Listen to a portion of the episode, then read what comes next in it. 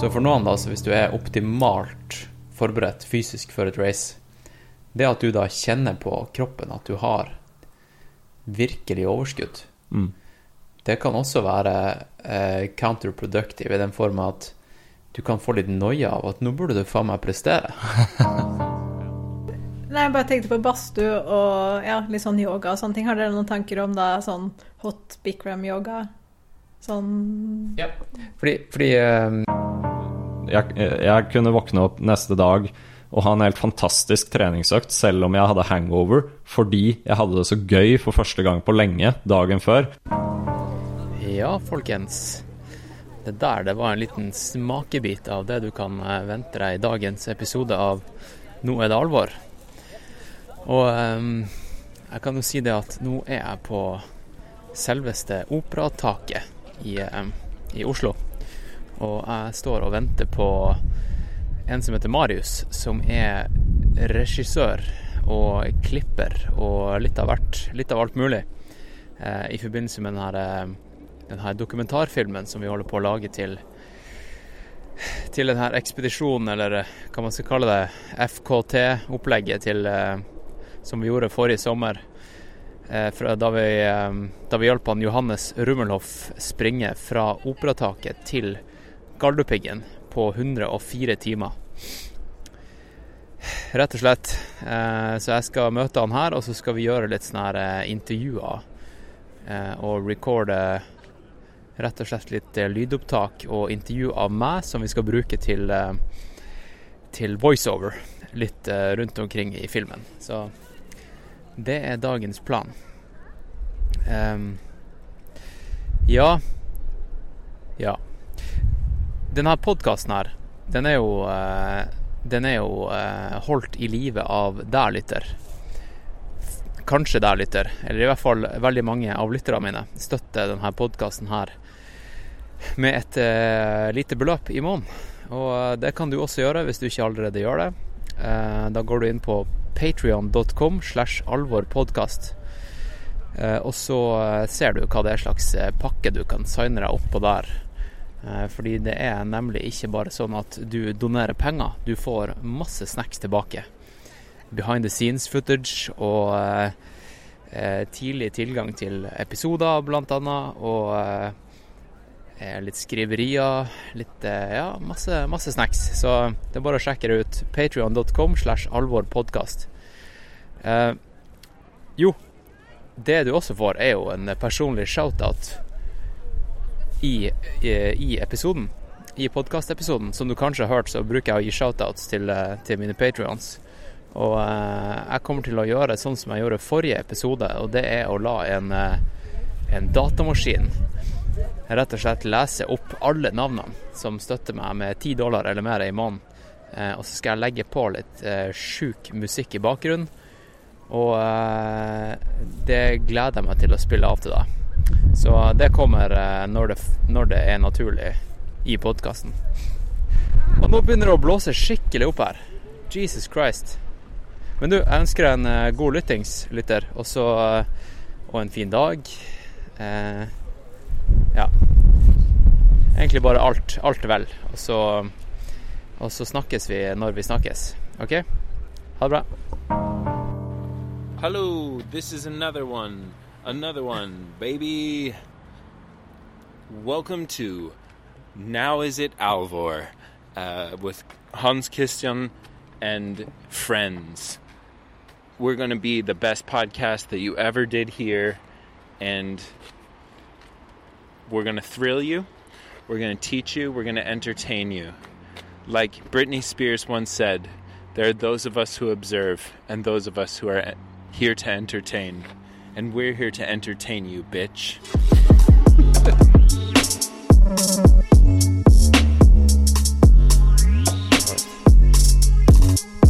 Vi re recorder nå, faktisk. Vi er live. Episoden har starta. Episoden har offisielt starta. Det er press. Det er press. Ja. press. Hvert eneste ord nå kan bli holdt eh, mot dere i en rettssal. I rettssak.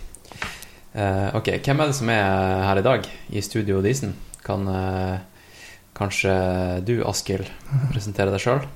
Eh, ja, det kan jeg.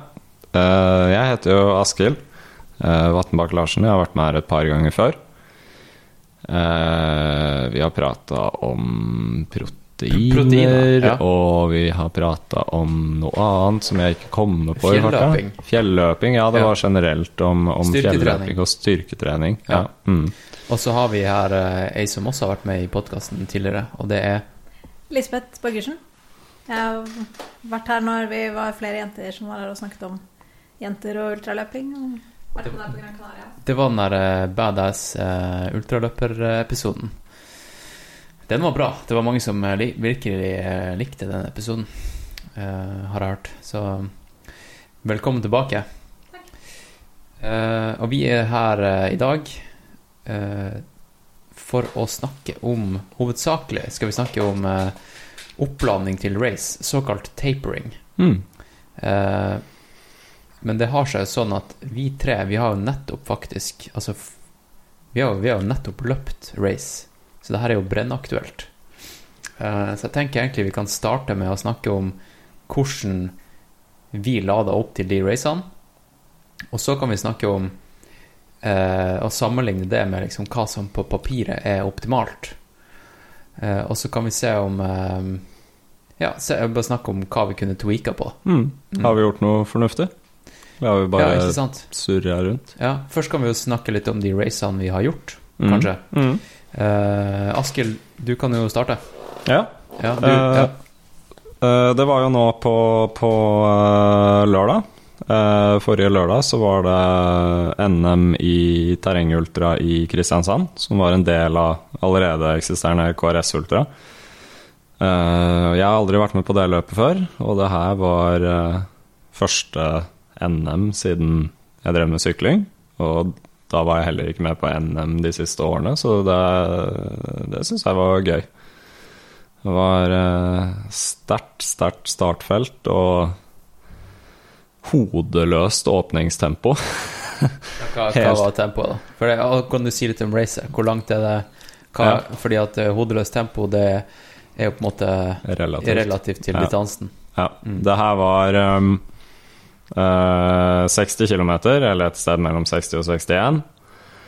Og det var 2300 høydemeter, så der um, Og terrenget var litt sånn Det kan sammenlignes med, med egentlig sånne stier som vi har i, i Nordmarka og Lillomarka, vil jeg si. Eh, det er jo ingen fjell, men det er sånne koller på kanskje 300 meter høydemeter. Og konkurransetida var da på eh, Vinneren kom inn på 5.22, og så var det eh, en haug med løpere, ganske gode løpere, på sånn pluss-minus seks timer, da. Mm. Og, og, og du kom jo da på tredjeplass, Mm. så du har jo faktisk nå en eh, pallplass i NM. Det er kult. Grattis med Tusen takk. det. Det er rått. Egentlig kom jeg på fjerdeplass, eller jeg kom på fjerdeplass. Ja. Eh, Men så fant de ut etterpå at han som vant, var eh, svensk. ja, det går ikke et NM. Og det er jo helt greit å være med i NM når du er svensk, men så Syns du det? Jeg, Jeg er vet ikke. Ja. Ja, Men men når du sier ja. det nå, så er det litt rart. Det er en innskytelse, for jeg var, har vært med Det var vel med Hornindal når jeg løp det. Da Ja. var det NM. Men da fikk vi velge sånn, for jeg har jo svensk pass. Mm, Men da fikk jeg stille i en klasse som ikke var NM. mm. Så de hadde en egen NM-klasse som man kunne melde seg på i. Ja, men du er ikke norsk norsk? Wow. Spion. Nå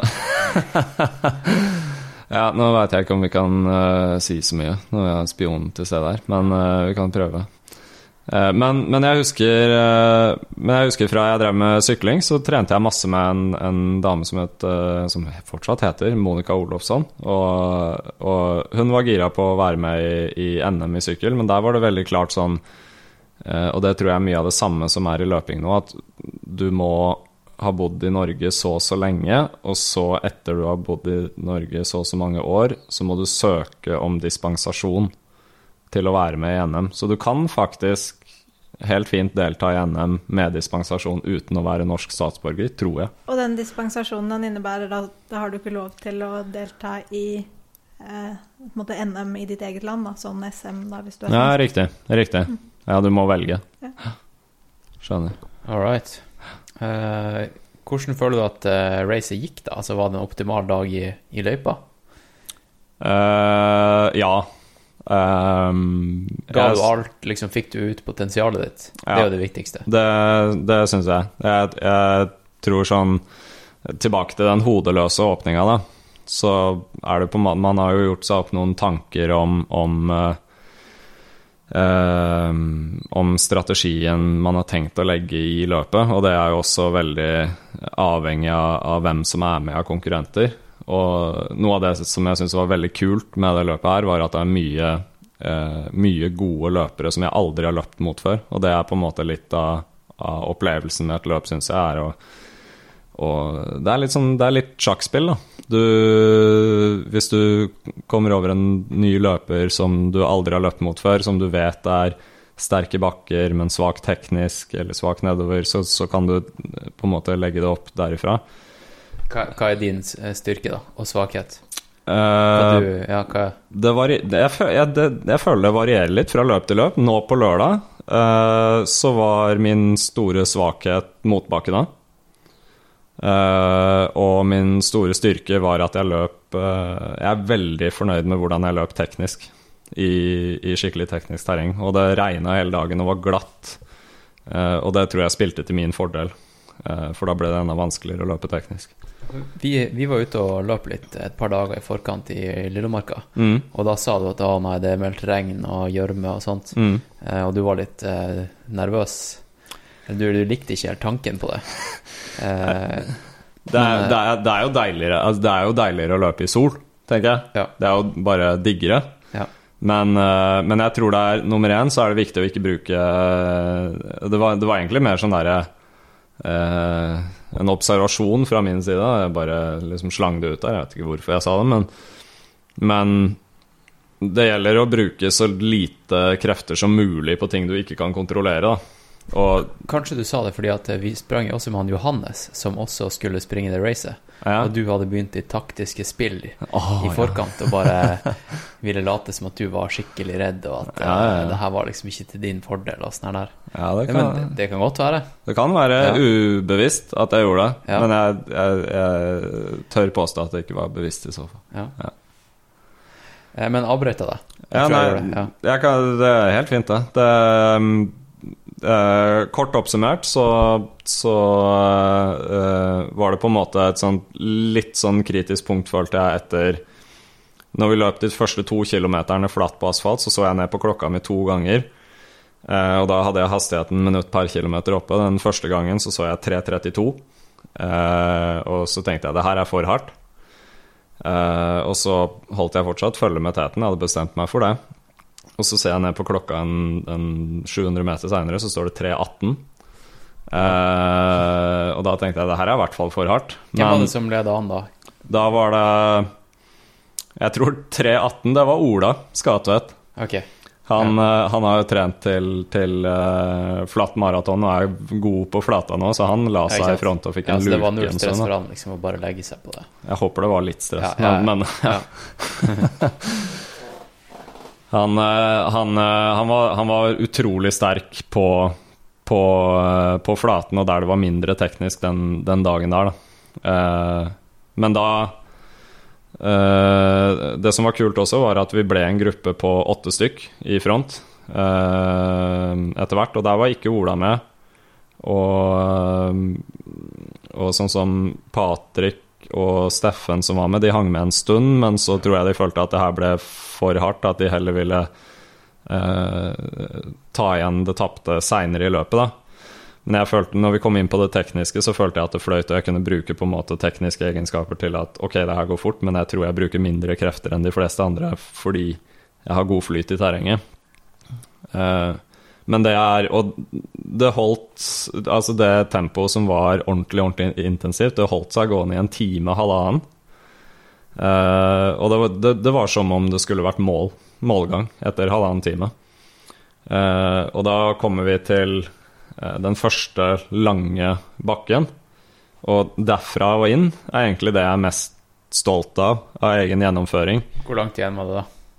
Da er det Da har vi løpt 16 km, tror jeg, så da er det, da er det 40 Si at det er 43-44 km igjen, da. Okay. Og da var det en lang, slak bakke som jeg vet at jeg sliter litt når det er sånne bakker hvor man fortsatt kan løpe. Eh, Jeg er god til å gå bratt oppover, men jeg sliter litt når man må løpe oppover. Eh, og jeg og Steffen og Kim hadde jo vært nede i, i Kristiansand og løpt gjennom løypa, så, så vi visste hva som kom på toppen, og visste at det var veldig teknisk, så da tok jeg bare en avgjørelse om at med en gang bakken starter, så kjører jeg mitt eget tempo og slipper gruppa. Uh, og så får jeg se hva jeg kan gjøre i det tekniske terrenget. Og jeg har ikke eksakt avstand, men jeg, jeg så Altså, etter noen hundre meter så så jeg dem ikke lenger. Det, det gikk hardt. Eh, og jeg tipper de hadde kanskje halvannet minutt på meg på toppen. Og ble utrolig fornøyd når, når vi kom inn i det tekniske og det begynte å gå nedover. Og jeg følte at jeg holdt bare mitt tempo, og plutselig så var de der igjen. Eh, tok dem igjen og bare tenkte det er ikke noe vits i å ligge bak her, fordi jeg kan løpe fortere uten at det koster meg noe. Så bare feis forbi og, og satte tempo i terrenget. Fikk en luke i hver eneste nedoverbakke teknisk, og så lot jeg folk ta meg igjen oppover igjen. Og sånn gikk det ti, jeg tror ti-tolv bakker i løpet av løpet, så slapp jeg hele gruppa og tok dem igjen i det tekniske. Og det sparte jeg ekstremt mye krefter på, og det er, det er grunnen til at jeg kunne hevde meg til slutt. Det er fett. Mm, det syns jeg var gøy. Ja. Ja, før vi går inn på hvordan du eh, drev med tapering og formtopping i forkant, så kan vi ta, ta Elisabeth Mm. sin eh, race-gjennomgang. Da skulle du få lov til å ta mikken i hånda.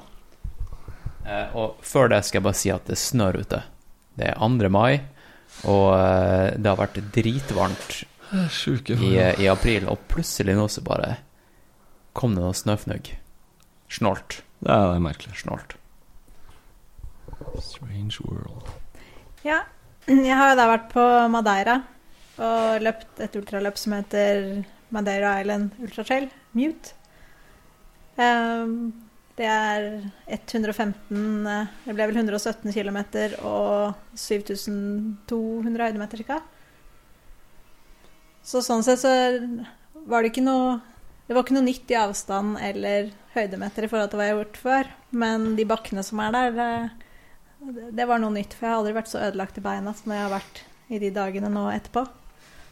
Eh, det er et løp som er, det er veldig sånn eh, frontloaded, som de kaller det. Det er mye høydemeter først. Det har 3000 høydemeter på de første 30 km. Mm. Og det, av det så er to vertikale eh, kilometer på Mm. veien. Så du får på en måte kjørt deg ordentlig til å begynne med. Og sånn for min del så følte jeg at eh, definitivt første halvdelen av løpet eh, var det som gikk best.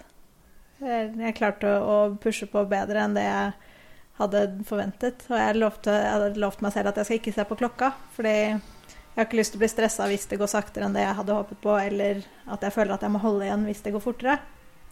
Men på første aid station, hvor vi hadde passert 15 km og 1500 høydemeter, så så jeg på klokka, da var det 2.05. Så da jeg, følte jeg i hvert fall at jeg lå eh, greit an. Eh, det var et natt, nattstart, så de første syv timene gikk eh, i mørket. Som jeg hadde grudd meg litt til, for i hvert fall sånn med den, den veldig tekniske nedoverløpinga. Men jeg var også superfornøyd med at det føltes mye bedre ut. Ja, ja men og hvor, hvor, eh, når, var, når var soloppgangen? Var det Soloppgang er uh, halv åtte cirka. Så Så du sprang i ca. syv timer i bekmørket. Mm. Hvordan eh, hodelykt brukte du? Var det, var det mange lumens? Hvor mange eller hvordan? eh, Silva eh, ik, eh, Trail Speed 3X, eller noe eller hva de heter. Jeg tror det var sånn. De har noen sjuke navn. Ja, ja. Ja, og så eh, OK. eh, men natta gikk greit? Ja, det er sånn overraskende greit. Og problemet var bare at jeg hadde Det gikk bra løpemessig, men eh, magen min slo seg vrang. Så jeg drev og var i skogen titt og ofte. Så jeg hadde en fransk dame som hver gang jeg satt med buksa ned på knærne i skogen, så passerte hun meg. Og så Mm. tok jeg henne igjen eh, når jeg startet å løpe igjen. Det må vi snakke litt mer om, hva, hvordan vi kan eh, Hva du har lært av det. Hvordan du kan fikse det problemet der. Har det vært en gjenganger? Har du, har du hatt det før, eller? Eh, Ikke den veien, men jeg har slitt en del med at jeg blir kvalm under de lange ultraløpene, og da jeg ikke får i meg så mye næring som jeg har planlagt. Men det, eh, det er ikke veldig bra, det racet her. Du kommer på en bra plassering. En eh, en sjukt bra plassering. Hvordan plassering ble det, og hva ble tida di? Plasseringen ble nummer åtte i også et veldig sterkt felt, så det var veldig kult å få løpe med så mange av verdenseliten. Og så 18.52 ble tiden. Du sprang i nesten 19 timer, og det var 115 km. Sånn? Det Eh, høres jo i seg selv ikke sånn kjempe ut, da, men det har litt med de bakkene og høydemeterne. De som, Det- de som, vei, de som veit noe om det, de, de skjønner det veldig godt Det når du, når du veit eh, teknisk vanskelighetsgrad og, og, og høydemeter. det høres ikke så kjempe ut, sier du. Ja. Men eh, ja.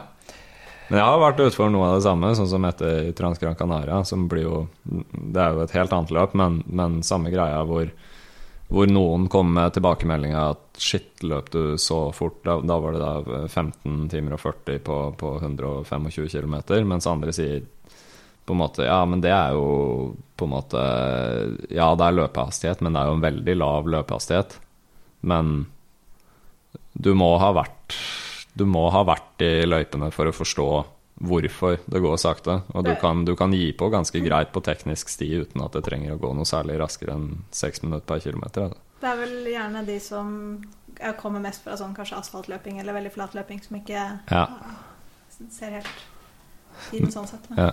Eller meninga med Ja, Men det, det var jo eh, Courtney DeWalter som vant. Ja, hun vant jo på 15-15.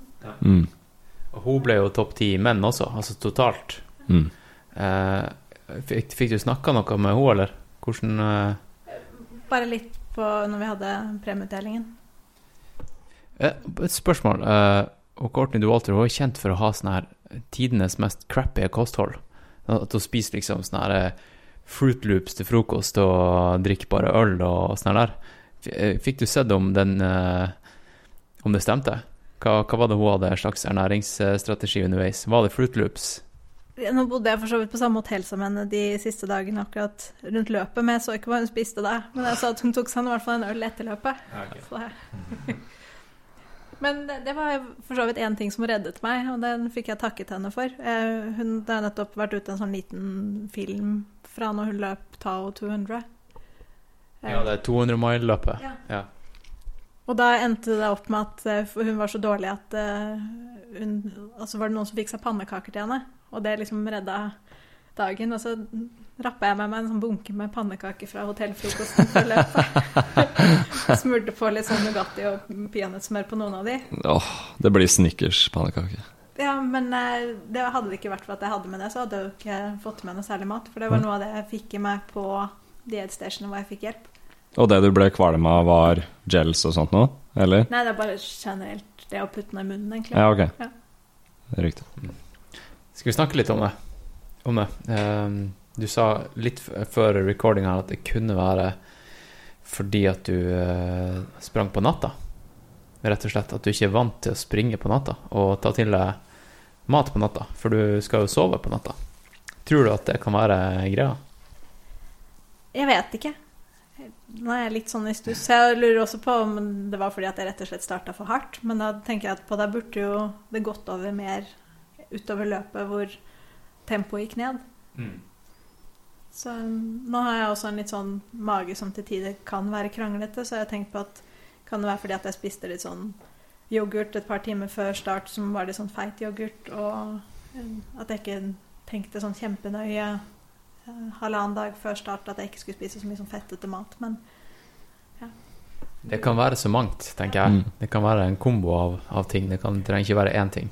Der, er- der var i hvert fall en, en fellesnevner mellom, mellom KRS og, og, og Madeira, bare det du sier du opplever. For det var, det var overraskende mange i, i KRS også som klagde på, på eh, at de blei kvalme og spydde litt underveis. Flere enn jeg pleier å høre. Eh, og det er ma mange som liksom hadde liksom det forslaget at fordi det var så insane hard start, da, at det var det som gjorde at de hadde problemer, pluss at den hotellfrokosten var litt uh, tett opp til løpet. Men, men jeg har ikke noe liksom veldig god forklaring på det, men jeg syns det gir mening at ok, hvis du har du fueler for et, for et, eh, et løp som foregår i alt fra eh, 6 til, til 18-19 timer, da, og du starter i et tempo som er ekstremt mye hardere, så kan det jo gå utover eh, appetitten din. Si at du, sånn som vi gjorde i KRS, så starta vi jo praktisk talt i et eh, tempo som ville vært passende til sentrumsløpet, 10 km på asfalt. Og det er jo ingen som tar Altså, det er garantert noen som gjør det, men det er ingen av toppløperne i sentrumsløpet som tar til seg noe næring underveis i en 10 km. Så det er ingen som er vant til å ta til seg næring på den intensiteten. Så bare at det er uvant, kan være en greie, tenker jeg. Skal vi gå over på litt sånn tapering, da? Tapering. Skal vi gjøre det? Uh, snakke litt om eh, formtopping og, uh, og hvordan vi gjorde det i praksis opp mot de racene her. Um, jeg kan starte Jeg har en bok foran meg her som er av eh, skrevet av han eh, Jason Coop, en eh, både ultraløper og, og kjent eh, coach, ultracoach. Han har skrevet den sammen med en som heter Jim Rootberg, som jeg aldri har hørt om. Boka heter 'Training Essentials for Ultra Running'. How to train smarter, race faster and maximize your ultramarathon performance. Eh, så siden vi skulle snakke om tapering i dag, så bare bladde jeg opp på den tapering-seksjonen i boka. Kan vi, ikke, kan vi ikke starte med um, På en måte uten å se noe, noe teori på det, uh, snakke litt om, om hva vi gjorde? Eller skal vi ta teorien først? Ja, nei, fordi det er ikke noe sånn her Det er ikke masse grafer. Det er, det er bare Nei. én ting av det her jeg vil, jeg vil ta opp. Ja. Og det er at uh, hvis du optimaliserer din tapering Da kan vi bare oversette tapering først, sånn at ikke folk blir forvirra. Tapering er nedtrapping. Ja. Å roe seg ned, sånn at du da har overskudd til å utføre jobben Ja. bedre enn du ville gjort i en sliten tilstand. Um, så hvis du da optimaliserer hele denne tapering-perioden din, eh, så burde du i utgangspunktet, altså gjennomsnittlig menneske, eh, kunne Det burde gagne deg 3% Kun 3% av, av eh, formen din. Um, nå er, er du veldig uenig, eller, eh, Margrethe? Nei, nei eh, Elisabeth ja, Faen, sorry. um, nei, Jeg blander alle de badass ultraløperkundene. Jeg bare syns eh, 3 hørtes veldig lite ut. Jeg er helt enig, jeg ble helt sjokkert da jeg leste det. Men uh, eh, Askild, du sendte meg jo et- dokument i forkant også, Ja, det. som også var litt sånn vitenskapelig. Ja. Um, men her, da. Jason Coop, 3% at det er det eneste du kan eh, hente, hente på optimal tapering. Uh, det var litt snålt. Ok, nå, nå, nå driver jeg med et lite regnestykke her, fordi jeg, jeg bare sånn Bare intuitivt så tenker jeg Nå sier Elisabeth at det er veldig lite, og nå har du løpt et løp hvor du brukte hva var det, 18 timer og 52. Så nå, nå, nå skal jeg sjekke hvor mye 3% av 19 timer er. Uh, jeg har en liten tanke om at det kanskje er mer enn man ser for seg når man hører 3% Så hvis vi sier uh, 0,03 eh, delt på 60 Det betyr at du Ifølge det så kunne du løpt eh, 35 minutter da, bedre med taperingen uten. Ok, for jeg føler at eh, hvis det, magen og energien hadde vært som den skulle på slutten, så burde jeg løpt en time fortere. Ja. Så sånn sett så Enn du gjorde nå? Ja. Ja. Så sånn sett så betyr jo det at for meg så føler jeg at næringen ville vært viktigere enn Ja. taperingen, da. Ja, ja. Det, Ja. det utgjør 43 minutter på en 24-timer. ja. Mm. Det er jo faktisk ganske mye. Så, så eh, la oss bare ha det sagt. Uh, altså skal jeg faktisk ta og lese hva som står der. Det er ikke så mye. Uh, skal vi se uh, Skal vi se With simple, reasonable rest before your event, you might gain 2%. Mm. If you designed the um, the most scientific and effective taper ever, you would gain 3%. That's a difference of 1%, which is not much for most athletes. Yes, you should still implement a taper bef- before your event, but you should also be realistic about what you expect to gain from it. Be reasonable about the dur- duration of your taper, and don't worry too much if things don't go perfectly to plan. Remember, eh, så det er referent til en eller annen kis som heter Mujika, eh, talks about reduction of psychological stress as a goal of taper. So stressing about achieving the perfect taper is counterproductive. Det syns jeg er et godt Ja. poeng. Det syns jeg er et veldig godt poeng. Så la oss bare ha det i bakhodet når vi diskuterer eh, saker og ting her, at eh, det viktigste er jo at du, at du at du springer raskere enn du ville gjort hvis du bare hadde Altså hvis du Hvis du ikke hadde gjort noe. Ja. Altså det, det viktigste er at du springer raskere. At du er på racedagen. Og da er det mye mer enn bare den fysiske formen som spiller inn også. Ja. Ikke sant? Men, men der, der tror jeg eh, litt av det, det store poenget kommer inn, som jeg tror eh, alle som sitter rundt bordet her, og mange av de vi kjenner som er erfarne med løping, de veit det er. Men si de, de siste to-tre ukene før et løp, eh, så har du ingen mulighet til å bli i bedre form ved å trene. Det tar Altså, noen eh, som, som starter med løping eller utholdenhetsidrett eller hva som helst, de, de, jeg føler mange tenker at hvis jeg bare trener bra denne uka her, to uker før løpet, så kommer jeg i bedre form neste uke.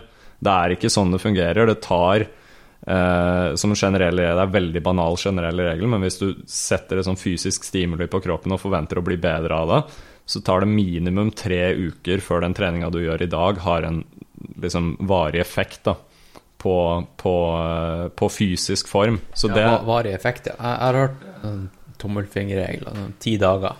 ja, Men eh, det er jo bro science. Ja, men det, det, og jeg, jeg tror på en måte Jeg tror ikke det er noe poeng i å på en måte kjøre noe øh, om, om jeg skal kjøre en prinsippsak på at det, det er tre uker. Det, er- det, poenget her er at treningseffekt skjer ikke umiddelbart. Og det som er viktig i forhold til tapering for folk å vite da, er at du kan slappe av med veldig god samvittighet de siste to eller tre eller én ukene før løp, fordi du kommer ikke Det eneste du kan gjøre for å bli klar til det løpet, er å hvile deg på en fornuftig måte i form. Du kan ikke trene deg i form. Nei, for det er akkurat tenkt på Hvis man da går inn og tenker at man skal trene seg i form, så risikerer man jo bare å ødelegge. For jeg tenker at de siste ja, par ukene så kan du jo bare ende med å ødelegge formen fordi du sliter deg for mye ut. Mm. Absolutt. Og, og der jeg, men der tror jeg også, sånn når, du, når du snakker om 2 eller 3% forbedring, eller, eller 10% forbedring, eller noe enorm forbedring, så, så kommer det veldig an på eh, Og her kommer vi inn på, på det som alle liker å prate om som dagsform, da. Som jeg syns er et ganske spennende tema. Fordi um, Si at du starter i Si at du hadde starta i Madeira uten å gjøre noe tapering. Uh, så hadde du sannsynligvis, hvis du var på en måte mentalt skrudd på og fullt motivert og på en måte klarte å ikke synes synd på deg selv fordi du var sliten og bare fikk ut alt du hadde, så hadde du ikke gjort det noe mer enn en 2 dårligere enn hvis du hadde tapera. Men der har jeg faktisk et eksempel, for jeg Ja. løp, løp et tilløp på Madeira Ja. som trening. Ja. Og da gjorde jeg ikke noe taper foran i det hele tatt. Og det løpet har jeg aldri følt at jeg har fått ut potensialet mitt så mye som det har gjort på noe løp. Og det var nå mens du var på Madeira? Ja, Ja, Så du var der en stund, da? ja som bare som en del av treningen. Ja. Og Ja, ja. det gikk jo bra. Ja, Selv om det var etter å ha hatt 160 km og 10 000 høydemeter i beina uken før. Ja, og det, det er jo et perfekt eksempel. Uh, og det, det jeg tenkte å si, som passer kjempefint at du sa det, fordi det er, det er veldig forskjell på folk om Altså, si at du ikke har tapera noen ting, og du er på en måte litt mentalt kjørt fordi du har trent mye, og du er litt fysisk kjørt, og så tenker man på en måte at nå er jeg sliten. Så er det på en måte den mentale biten at du tenker at jeg har ikke toppformen inne i dag, så jeg orker ikke presse meg. Det kan redusere prestasjonen din vel så mye som at du faktisk ikke har like mye overskudd. Og hvis du da klarer, for de som som på en måte eh, ikke klarer å prestere fordi de er eh, mentalt kjørt og bare tenker at det her går til helvete, så vil jo en taper ha gjort på riktig måte sannsynligvis ha en mye større effekt enn 3% Fordi hvis de klarer å på en måte skru på motivasjonen, ha overskudd, de har ikke løpt langt på ganske lenge, så nå er de skikkelig motivert for å løpe mange, mange timer, så vil det kunne ha veldig mye positivt å si for, for uh, performance, tror jeg. En, en fysisk taper er jo én ting, men jeg, jeg, føler at liksom, det skal så mye mer til enn bare det å være fysisk i form til å prestere på racedagen. Ja. Så for noen, da, så hvis du er optimalt forberedt fysisk for et race, det at du da kjenner på kroppen at du har virkelig overskudd, Mm. det kan også være eh, counterproductive i den form at du kan få litt noia av at nå burde du faen meg prestere, ikke sant? Ja, ja, Og så kommer magen inn og trøbler fordi at du blir nervøs. det er mulig. Så da, eh, Derfor er det mange som kommer inn med lave skuldre inn, inn, inn til et race, da, hvis de har masse timer og høydemeter og kilometer i beina. Eh, fordi at de liksom på papiret burde ikke prestere. Så derfor på en måte har de ingen forventning til seg sjøl. Mm. Og så bare springer de et race, og så klarer de på, på en måte å ha hodet på riktig sted, da. Um, I motsetning til andre som som ikke har det. Mm, kanskje jeg, jeg, sprang, jeg har et eksempel. Jeg sprang jeg, sånn jeg, jeg fastpacka rundt i Jotunheimen for et par år siden i, eh, på sommeren, og så avslutta den, den uka der Jeg husker ikke hvor mange kilometer jeg hadde. Det var over 160, liksom, eh, i Jotunheimen. Eh, og, og sikkert over 10 000 høyde- høydemeter, akkurat som, eh, som Elisabeth hadde. Eh, og så dro jeg rett til, uten hviledag, dro jeg rett til Hornindal Mm. og sprang halv, den halve distansen Mm. på Hvor mange kilometer er den? 35 eller noe sånt? 38, tror jeg. Ja, ok. Eh, og jeg vant, jeg vant ikke, jeg kom på tredje, andre eller tredjeplass. Men eh, eh, jeg hadde en bra dag, liksom. Mm. Kunne selvfølgelig gjort det bedre hvis jeg hadde lada opp, men Mm. uh, jeg vet ikke. Jeg følte meg ikke jævlig, Nei, nei. så det um, Men der kommer det det nok ekst- jeg, jeg tror det er ekstremt forskjell, og her kommer vi inn på en viktig ting som gjelder både i i en vanlig treningsperiode og i tapering, tror jeg, da. Og det er det at um, uh, Og det er det med ernæring og søvn ved siden av. Altså, jeg tror at du kan trene ganske mye, og hvis du klarer å få inn eh, ni timer søvn hver natt og har veldig god bra matinntak, du er i energioverskudd og du får i deg nok mat, eh, så tåler kroppen din ganske mye hvis du skal bare kjøre på med et race dagen etter en, en hard dag. Eh, men der kommer også poenget med at som er viktig med tapering, fordi jeg tror også mange som har mye annet å gjøre, da, jobb eller familie eller andre hobbyer og sånt, noe, de, de, noen tenker noen ganger at Og jeg har gjort det selv. Eh, nå skal jeg ha tapering. Eh, to uker med halvparten eller mindre av treningsvolumet mitt. Nå har jeg masse tid til å gjøre det jeg aldri ellers får gjort. Så da maler du vegger, og så pusser du gulv, og så følger du opp ungene dine ekstra mye. Og, og, og bruke mye krefter på andre ting. Eh, og det kommer til å gå utover tapering. Altså når vi snakker om mentalt stress, og når vi snakker om eh, totalpakka, da, så tror jeg det er viktig at man klarer å beholde de gode rutinene, og når man da sitter i sofaen på kvelden og strutter av overskudd fordi man har eh, trent mindre, at man klarer å slappe av.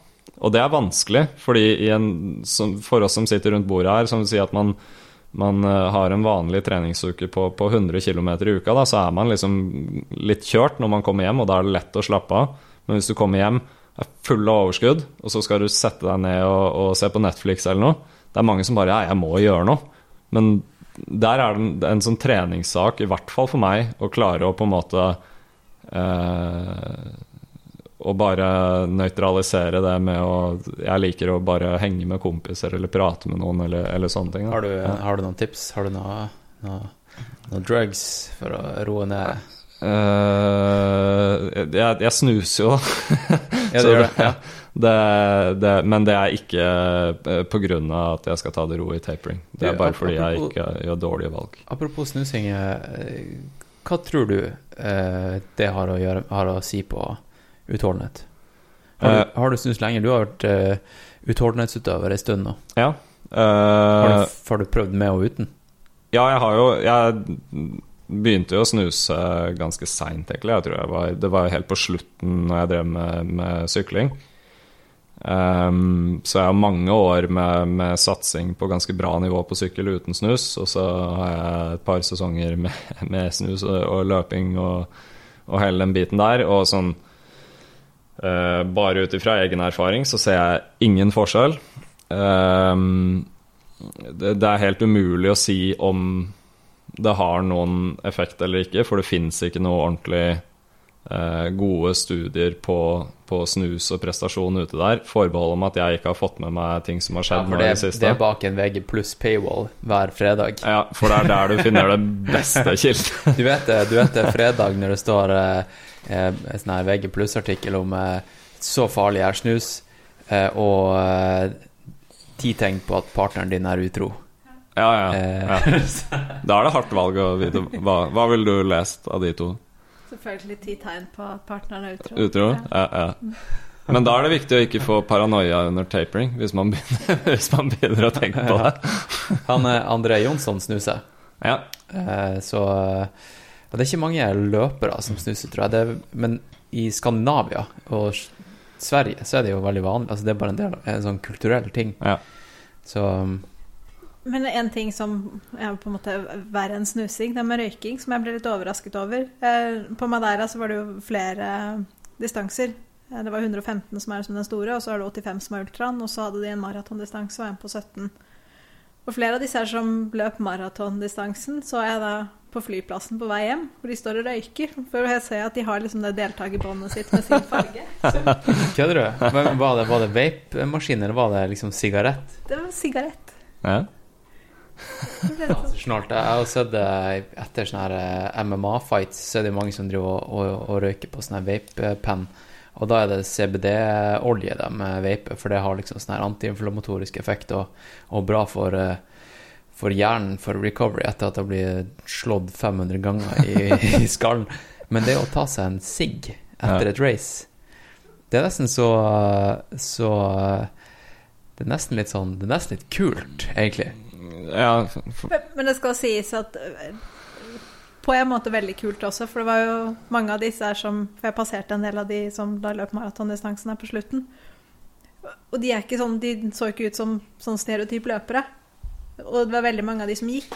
Så sånn sett så syns jeg det var egentlig var en kul greie at mm. det var så mange som deltok, som da kanskje ikke er som vi tenker på som vanlige løpere. da. Mm. Ja, jeg så en sånn her eh, eh, Faren min fant et eh, avisartikkel eller en reklame fra 60-tallet eller noe sånt. Og da var det skiløperne, de gode, gamle skiløperne. Da sto de liksom i skauen og røyka. Eh, da, var det, da var det kult liksom for idrettsfolk. Men Mm. Det er jo favorittbildet som jeg har hengende på veggen på, på soverommet. Det er jo fra, eh, fra Tour de France på, på 20-tallet. Eh, og jeg tror eh, tittelen på bildet er et eller annet, det er to navn på noen ryttere, at de, de deler en sigarett. var, det, var det på den tida oh, Sorry. Sorry. Nei, det går bra. Eh, og det Ja, det, det er på den tida hvor det var allment akseptert at alkohol og sigaretter eh, I hvert fall i det miljøet ble sett på som prestasjonsfremmende. Så da hadde du eh, ryttere som sykla til toppen av et fjell. Og så hadde de ikke eh, følgebiler på samme måte som de har nå. Så da hadde de avtalt med den lokale vinhandleren på toppen eller et eller annet sted, og løp inn på en restaurant eller noe og raska med seg en to-tre flasker vin og putta i flaskeholderne, bøtta ned på en halv flaske vin før du kjører nedover hårnålsvinger på grus på sykkel med to centimeter breie dekk. Og det er på samme tid at eh, vann var forbudt også. Det var kun vin som var er Er det sant? Det var, Er I de første årene så, så hørte jeg at det var forbudt med vann, ja. det, det, det har jeg ikke hørt om, men det hadde vært rått. Du er nødt til å være full for å være med her. Ja. Eh, skal vi se Hva kunne dere Eller hva gjorde dere i forkant av eh, løpene? Eh, ja, Elisabeth kan starte. Jeg hadde, For det første, var det her ditt A-race? Var det her liksom et, et race som du virkelig satsa på å ha en formtopp i? ja, det var det. Eh, så eh, Vi hadde diskutert litt med coach eh, Sondre. Så jeg begynte å kjenne litt på formen eh, to uker i forveien. Og liksom, avtalen var at så lenge jeg ikke liksom, føler meg helt kjørt, så fortsetter jeg å trene på. Eh, Men jeg hadde ikke da, To uker fra løpet og inn mot løpet så hadde jeg ikke noen sånne kjempelange sånn fire-fem-milsturer. Eh, Ja, når du sier løpet, så snakker du om det her, det her racet du kjørte i forkant av hovedracet. der hadde jeg ikke noe taper. Eller der hadde jeg Jeg tok og hvilte dagen før. Hvor lenge før eh, det lange løpet var det andre løpet? Tre uker. Tre uker. Ja. Ja. Mm. Så det ble liksom siste sånn ordentlig eh, Ja, skikkelig. Jeg hadde ikke klart en sånn tempoøkt der aleine eller fått til det. Men så hadde jeg jo etter da Det hadde jeg noen sånne lange dager ute, sånn fire-fem-mils-dager. Og så, da to uker før, så hadde jeg vel en ja, 20-25 km. Og så begynte jeg på en måte å ta det litt eh, mer med ro.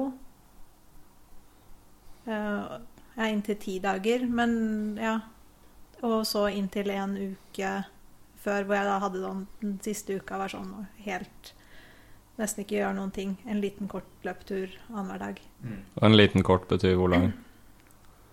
Seks, sju, åtte kilometer. Mm. Det er veldig bratt på Madeira. Det er liksom enten kjempebratt eller Ja, det er liksom bare Du kan ikke velge. Det er bare bratt. Ja. Eller ellers er det noen bilveier. Ja, og så har de sånne levadaer, som det kalles. Sånn eh, slags vanningssystem. Sånn akvadukt, da. Ja, ja. Så der fant jeg i hvert fall kunne få relativt flatt og løpe Mm. 6-8 km. Så det var egentlig bare det jeg brukte da den siste uka. Men da følte du skikkelig på overskuddet? Var det Kribla det skikkelig, eller var det Hvordan føltes det? For det er jo det viktigste. Ikke hva som er på papiret, liksom. Det man skal gjøre, men En sånn liten kommentar først i forhold til dette treningsløpet hvor jeg ikke eh, um, hadde noe taper. Ja. Så hadde jeg da en løpetur to dager før løpet og bare var kjempesur i beina og tenkte at dette her Hvorfor skal jeg liksom Dette her kommer til å gå til åt skogen. Men så tenkte jeg på en ting som eh, Terje, naprapaten, har på sin nettside. Ja. Sånn sitat fra mm, Petter Northug om at det er ikke- ikke stress med dagen før, det er ikke den dagen du skal prestere. Så da tenkte jeg ja, da får vi bare ta det sånn det blir på løpet, og se om beina funker noen ting da, med en dags hvile. Ref det å klare å slappe av, Ja. egentlig. Ja. Ja, egentlig akkurat det. Mm. Um, men jeg følte ikke at jeg hadde sånn var helt sånn holdt på å gå på veggen-overskudd. Men det er kanskje fordi at jeg faktisk klarte å slappe av. Jeg lå i hengekøye og løste sudoku og Ja. Det koste meg. Så det, det er su, sudoku, sudoku du, som du gjør når du skal drepe tid. For jeg, vet- jeg vet uh, Tora Berger hun likte jo å strikke. Du, du løser kryssord og sånt. Ja, i hvert fall. Jeg syns det er greit istedenfor å bare skulle sitte og Ellers blir det bare å glo i mobiltelefonen. Men det blir jeg litt lei av. Så jeg kan heller bruke hodet litt. Eh, du har kjørt eh, Du har, du har sprunget mange lange, legendariske race. Var denne type strategien i forkant eh, veldig uvanlig for deg, eller hva, gjorde du noe nytt? Kan du, har du noen erfaringer fra tapering generelt? Du, hvordan du responderer på det? Nei, det er egentlig stort sett sånn som Sånn her som jeg har gjort det. Jeg må begynne å tenke på nedtrappingen to uker før, og så eh, prøve å kjøre på med trening så lenge jeg ikke føler meg helt eh, nede. Hva med deg, Askild? Eh, Hvor lang tid i forveien bruker du å begynne å liksom, trappe ned? Og, og hvor drastisk trapper du ned? Jeg har endt opp på Jeg har prøvd litt forskjellig opp gjennom åra, også når jeg drev med, med sykling. Og jeg har endt opp på at ni-ti dager Ni-ti dager med, med tapering, da, og da kjører jeg full pupp med trening helt fram til ni-ti dager før løpet, før jeg reduserer til ca. halvparten av mengden. Uh, det er kort fortalt, så det betyr sånn som i, i før KRS nå, så hadde jeg uh, så ville jeg egentlig ha siste hardøkt uh, tirsdag i uka før løpet. Det blei på onsdag pga. noe logistikk og noe greier, men jeg tror ikke en dag fra eller til spiller så stor rolle. Life happens. Life happens. Eh, og og det, det har funka veldig bra for meg. Da har jeg på en måte en I løpet av de ni-ti siste dagene, da, så har jeg egentlig en sånn oppskrift som jeg føler funker bra nå. Og det er at jeg har eh, eh, noen dager rolig først. Og så i løpet av de ni-ti dagene så har jeg fortsatt Jeg har to hardøkter, men de er eh, kortere enn Altså på samme måte som jeg reduserer totalmengden med ca. 50% så reduserer jeg eh, total innsatstid på intervaller, f.eks. På de hardøktene reduserer jeg også med 50 Sånn at jeg beholder egentlig alle elementene jeg ellers har i treninga, bare at det er mindre av det. Ja, for det, det står det også i den boka her. Det er Ja. liksom Du skal fortsatt gjøre de samme øktene, bare redusere mengden. Mm. Eller volumet, da. Ja. Ja. Jeg tror, jeg tror det, er, det er viktig å, å eh, ha de hardøktene for å på en måte beholde stimuli på kroppen. Da. At, du, at du, du Du blir ikke noe bedre form av de hardøktene, men det kan bli litt sjokk på raceday. Altså, du har ikke noe lavere Altså Hvis jeg ikke hadde kjørt de hardøktene, så du har ikke noe lavere VO2 max, eller du har ikke noe lavere ditt og datt på løpsdagen, men, men du trenger å beholde følelsen med hvordan det er å løpe hardt, da. Mm. Er ikke det litt sånn nesten nervesignalen i musklene? At du liksom beholder de? Det, det, det, det syns jeg er en, et veldig fornuftig argument. Jeg har, liksom, jeg, jeg har ikke en haug med litteratur som, som backer det opp sånn i baksida av hodet nå, men, men eh, det tror jeg også er Og man, man snakker jo om muskeltonus, eh, som også går på, på nervesignaler. Eh, så, sånn som det at folk som løper kortere distanser flatt på asfalt, at de kjører stigningsdrag og at de gjør ditt og datt dagen før. Det går jo på mye av det samme som du sier nå, det tror jeg absolutt er noe i. Mm. Jeg, har- vet skiløpere, de kjører eh, Eller jeg hørte Det var den her eh, episoden med han Terje. Eh, så snakka han om han Jon Christian Dahl. Husker dere det? Han eh, langskiløperen. Ja. Eh, og, og at eh, de kjørte noe styrkeøkt bare sånn to dager i forkant. Mm. Eh, jeg tviler på at de kjørte sånn skikkelig tung styrke, men det er jo bare fyre av de riktige typer musklene. Mm. Det tror jeg veldig på, altså. Og det, Mm. jeg merker det også veldig godt hvis jeg de gangene jeg har eksperimentert skikkelig med tapering, at jeg presterer Eller hvis jeg roer skikkelig ned uka før, så blir jeg sånn her gelé i beina på Mm. racedagen. Mm. Eh, og litt sånn her du vet, når du, du vet når du springer, og responstida di når du, foten treffer bakken Det er liksom et eller annet som skjer med at uh, At eh, hjernen ikke um, liksom Altså, du fyrer ikke av det, det løpesteget like Mm. effektivt, da. Men Og det like tror jeg skjer. Når foten treffer bakken. Det er ganske kult, fordi Ja. det, det, er, det er kult å høre liksom at du, du, eh, du opplever det sånn, fordi jeg, jeg tror det er akkurat det som skjer. Jeg Ja. tror, uh, og som Elisabeth sier også, at, at du Uh, jeg, jeg tror man skal virkelig ta på alvor det, uh, det som løpere og andre utøvere beskriver sånn intuitivt som respons i steget. da Ja. eller, eller de tingene der. Ja. At man beholder den gode følelsen, og det trenger ikke nødvendigvis være en liksom, god, komplisert forklaring bak, men det å beholde den godfølelsen, og også når det gjelder sånn som vi som driver med trail-løping, at du eh, Jeg hadde også en sånn det, det er første gang jeg har prøvd i den tapering-perioden her, og også litt før KRS. Fordi jeg hadde en tanke om at jeg måtte spille på styrkene mine, og at, det var, og at jeg er god å løpe teknisk, men jeg kjørte litt sånn naturlig intervall nedover på sti. Og eh, det følte jeg jeg fikk igjen for i form av eh, Ja, du kan si respons i steget, men det er også noe med å, å holde hjernen fresh i forhold til at du effektivt. Putte beina der de skal, passe på at du ikke bremser for mye, sånne ting. Til og med når du er trøtt i beina. Den her eh, eye-hand coordination-responstida. Mm. Bare det Ja, det er eh, Det tror jeg er unikt for oss stiløpere. Er å kunne se stien i, i liksom For du vet, du vet når du springer nedover, så ubevisst så har du jo også blikket liksom 100 meter foran deg. Foran, ja. Eh, og hvis du eh, Og når du kommer til de 100 meterne som du da ubevisst spotta for ti sekunder siden, Ja. så tar du valg eh, som du da ikke skjønner hvorfor du tok det valget. Mm. Eh, og hvis du bare ligger på sofaen uka før, så tror jeg at du faktisk eh, Altså, det her er jo veldig sånn her eh, Bare sånn av erfaring, da. Mm. Men den der responstida der, det, Mm. at den går ned, da. Men det, det, det, jeg føler det er ferskvare. Ja, skulle du si noe Ja, det var egentlig bare mer sånn kommentar at det er en ting som jeg kjenner igjen veldig fra både frikjøring på ski og stisykling. Mm. Det er litt sånn, for det blir det med at du ser linja egentlig før du Mm. faktisk da løper, sykler eller står på ski nedover den. Mm. Og det, jeg har jo også Jeg drevet med terrengsykling i, i 15 år fra før av, og det er også sånn som, som jeg kjenner det, kanskje du også kjenner at eh, har veldig igjen for eh, når man driver med stiløping, fordi eh, stisykling, det går jo i hvert fall nedover, så går det vesentlig raskere, og du er nødt til å prosessere ting mye kjappere.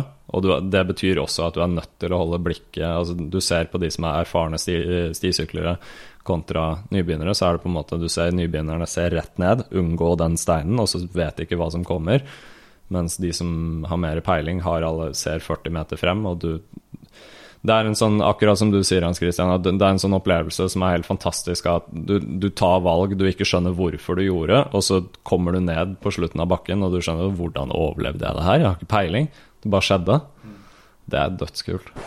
This break is brought to you by the people that support this podcast financially on patreon.com. Here are some sick beats for you to listen to while I give a huge shout out to every single one of you.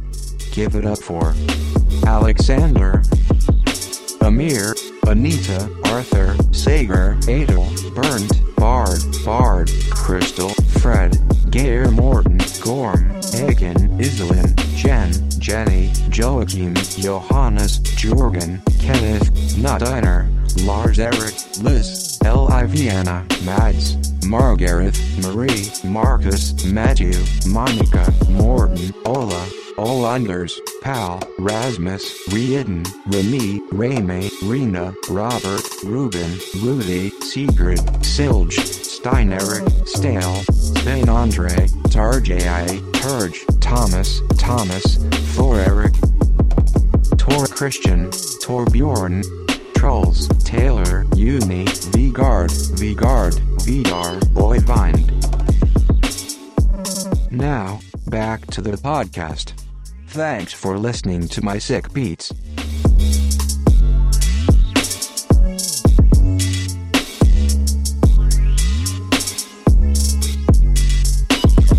Jeg husker i fjor, eller var det i fjor han Kilian sprang hardrock med eh, armen ut av ledd?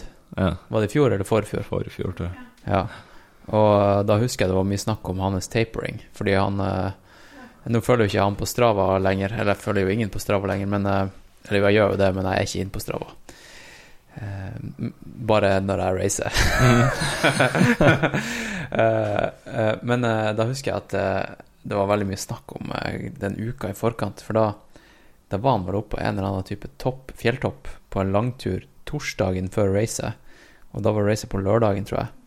Og den turen der var liksom på sånn her ti timer, og han var på en Jeg tror den turen hadde 5000 høydemeter eller noe sånt der. Mm. Og så gikk han jo og vant hardrock. Mm. Men jeg tror det er viktig å si der da at det betyr ikke at det var den optimale oppladninga. Altså, han kunne faktisk gjort det bedre i hardrock, hadde han ikke gjort det. Men han vant, Mm. for det om. Mm. Så øh, det betyr ikke at, at alle skal gå og gjøre det.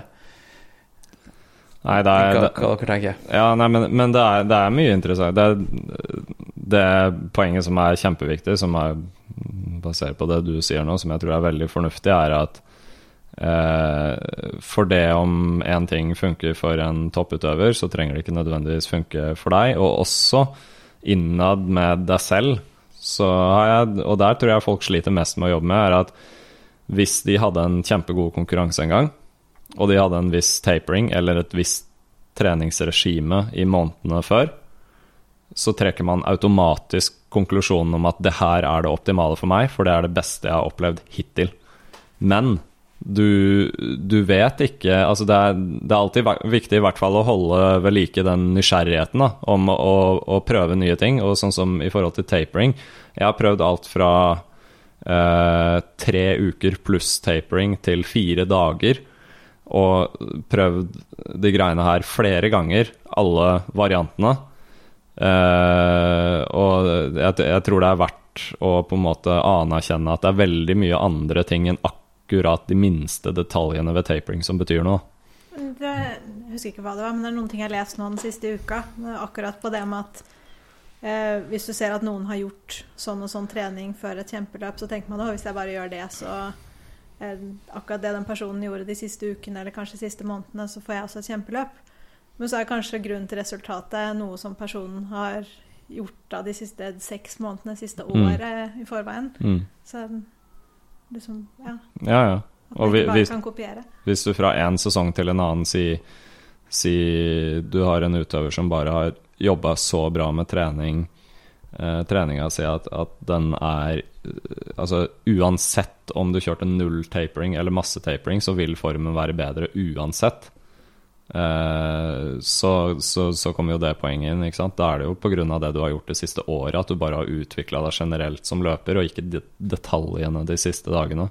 Så jeg, det er, jeg, vil, jeg vil i hvert fall være den første til å være advokat for, for å liksom holde, seg, holde seg nysgjerrig og, og stille litt spørsmålstegn ved Nei, er, selv om jeg følte meg bra der, og jeg brukte de skoa, eller jeg spiste akkurat den gelen, så trenger det ikke nødvendigvis være akkurat det som gjorde ting bra. Da. Ja, han eh, Sindre Burås uh, sa til meg at uh, en av de beste racene han noen gang har gjort, det gjorde han uh, fordi han var forelska. Mm. Og det gjorde at han fikk ut potensialet sitt, Mm. rett og slett. Så det, ja, det, det går det ikke an å bare gå inn og replikere. Ja, det hadde vært digg, da. Men jeg tenkte på, hva, hva gjorde du for noe, Hans Christian, i Japan? Mm. Ja, eh, det jeg gjorde i Japan, var at eh, jeg bestemte meg i forkant at jeg skal ikke ha et eh, på måte satt regime før jeg drar dit. Og jeg skulle liksom ikke ha en oppskrift. Jeg skulle la tilfeldighetene eh, bestemme litt, rett og slett. Men jeg skulle selvfølgelig ned i mengde. Eh, men eh, jeg- det er såpass lang reise, og jetlag og annen mat, alt er liksom annerledes, at jeg, at jeg orka ikke å stresse med å lage en plan. Og jeg visste ikke hvordan stiene kom til å være der jeg bodde, og liksom sånn her der, så um, Jeg bare holdt det gående med ca. åtte kilometersturer på sti i den uka jeg var, på, var der i forkant. Kanskje kanskje 200-300 300 høydemeter per tur. Uh, ganske easy tempo, og så noen drag opp og ned bare her og, her og der, bare for å liksom trigge de her nervene og musklene og bare holde på en måte stiløpesteg ved Mm. like. Mm. Eh, fordi jobben var på en måte gjort for lenge siden. Mm. Jeg, jeg ville bare ikke eh, misse den der mentale edgen som jeg hadde. Men det jeg gjorde da, som, som kanskje er litt fy-fy, det er jo at uh, det var vel to, to dager i forkant, så sprang jeg 12 kilometer, ikke sant? Eh, ikke hardt, men det var mange høydemeter også. Men det var fordi at eh, det var en, en kis jeg reiste med som bydde opp til, til dans på stien. Eh, og jeg ble med, liksom. Og da tenkte jeg bare OK, det, det får nå bare gå, liksom. Det, Han kisen Det- du bodde med, han var ganske god, var han ikke det? ja, han var flink. Ja. Og det var ikke en kjempehard tur. Jeg, det jeg bare husker jeg tenkte da jeg sprang sånn her Hvis det var kun meg her som fikk bestemme, så hadde jeg halvert den turen. Ikke sant? Eh, og så dagen før så sprang vi seks kilometer med, med en del sånne drilløvelser, og det følte jeg var, var skikkelig nice. Hvordan type drill? Eh, sånn type friretts, eh, eh, noen strides, stigningsløp, eh, høye knær. Mm. Eh, sånn typiske hvis du ser eh, fotballspillere varme Mm. opp. Sånne type greier. da. Dynamiske oppvarmingsøvelser. Bare for å få kroppen i gang. Eh, ja, så jeg kom ikke, jeg kom ikke inn på racedagen med sånn her skikkelig overskudd. Jeg var kanskje på en 1% Ja, hvis vi refererer til denne boka her. Men eh, det er på en måte mitt sånn her Kanskje neste tema er jo det at uh, jeg er jo i den situasjonen. Kanskje dere også, det er jeg ikke sikker på. Men det året her så skal jeg springe veldig mange race. Så hvordan kan man få en formtopp Mm. hvis man har mange ting i løpet av en sesong å gjøre? Fordi at det krever jo faktisk Altså prinsippet med en formtopp er jo at du har en lang eller en nedbrytningsperiode, og så en hvileperiode, og så får du en såkalt superkompensasjon der du ender opp med å være i bedre form enn du var før du starta treninga. Uh, men hvis du da hele tida driver og bryter ned kroppen din med sånne her harde ultra, Mm. hvordan skal du liksom få, hvis det er én måned til neste race eh, Hvordan skal du hente deg inn igjen og trene, og da i tillegg da få overskudd til å prestere igjen? Mm. Skal, går det an, eller skal vi bare hvile i, mer, i mellomtida og bare ta noen easy turer? Hva, hva, hva tenker dere? Uh, Elisabeth? Nå før, har jeg i hvert fall på en måte, to måneder mellom A-race nå, så da blir det, hvis jeg skal løpe noe mer konkurranser, så, tenker jeg at da blir det mer som trening og eh, at det ikke blir noe taper for det. Men eh, hvis jeg tenker på sånn som langrennsutøvere kanskje gjør det, så er i hvert fall mitt inntrykk at de, de gjør veldig mye av treningen før sesongen, og når konkurransesesongen først starter, så er det konkurranse, og så gjør du noen, kanskje noen mindre treningsøkter innimellom. Ja, men de, de, de har jo helt andre type, type race også. Mm. Altså vi, når, du springer, når du sier at du springer liksom i 18-19 timer, det går mye mer utover kroppen Altså det går mye dypere. Det går ikke bare muskulært, f.eks., som en 10 km på ski. Da er du liksom tilbake igjen i morgen. Men eh, en 115 km på Madeira, da går du utover liksom endokrinsystemet. Da går du utover ledd og sener og muskler og eh, nyre og lever, ikke sant? Så det er litt mer eh, I hvert fall min plan fremover da, at jeg har ikke begynt å løpe igjen, og jeg kjenner jeg er helt sånn eh, mentalt eller sliten i kroppen og hodet fortsatt, så nå blir det kanskje litt sykling bare for å få i gang beina, og så håper jeg at jeg kan få inn nå i mai et par uker med mengdetrening. Og så har jeg et par ukers jobb- jobbing i juni som gjør at jeg ikke får noe særlig mengdetrening da, så jeg vet at oppladningen for neste løp blir ikke sånn etter boka. Så da føler jeg det går mye på det vi har snakket om, den mentale biten, at man må ja, kanskje klare å finne roen og stole på formen, men Mm. det ikke er så mye mer man kan gjøre. ja, Du fikk gjort jobben i vinter, eller har du en bra base? Fra siste måneden føler jeg at det har blitt en bra base. Jeg hadde jo planlagt å løpe Bislett 50, sånn som deg, så det ble jo en del mer løping i vinter. Og siden det ikke var så mye snø, så ble det ikke så mye ski som jeg hadde tenkt. Så sånn sett så føler jeg at det er bra grunnlag. Mm. Jeg, jeg tenker at uh, nummer én, da for å ta, jeg synes, eh, Det er veldig fornuftig det Elisabeth sier, med, fordi det du starter å prate om, er det som blir gjort i månedene før sesongstart. Uh, og det Når vi snakker om på en måte hva man skal gjøre mellom konkurranser, hvor mange konkurranser man skal ha, spesielt hvis man skal ha mange, altså høy frekvens på antall konkurranser, og de er harde, eh, så bør man anerkjenne at da er det enda viktigere å ha et godt grunnlag før sesongen starter. Da. Det er der du legger grunnlaget for å kunne skape Altså for å, for å holde formen gjennom en lang sesong, og for å tåle den belastninga. Så det tror jeg egentlig det, det er viktig å gjøre fornuftige valg mellom konkurranser. Si at det er en måned mellom hver, som også, også jeg har nå.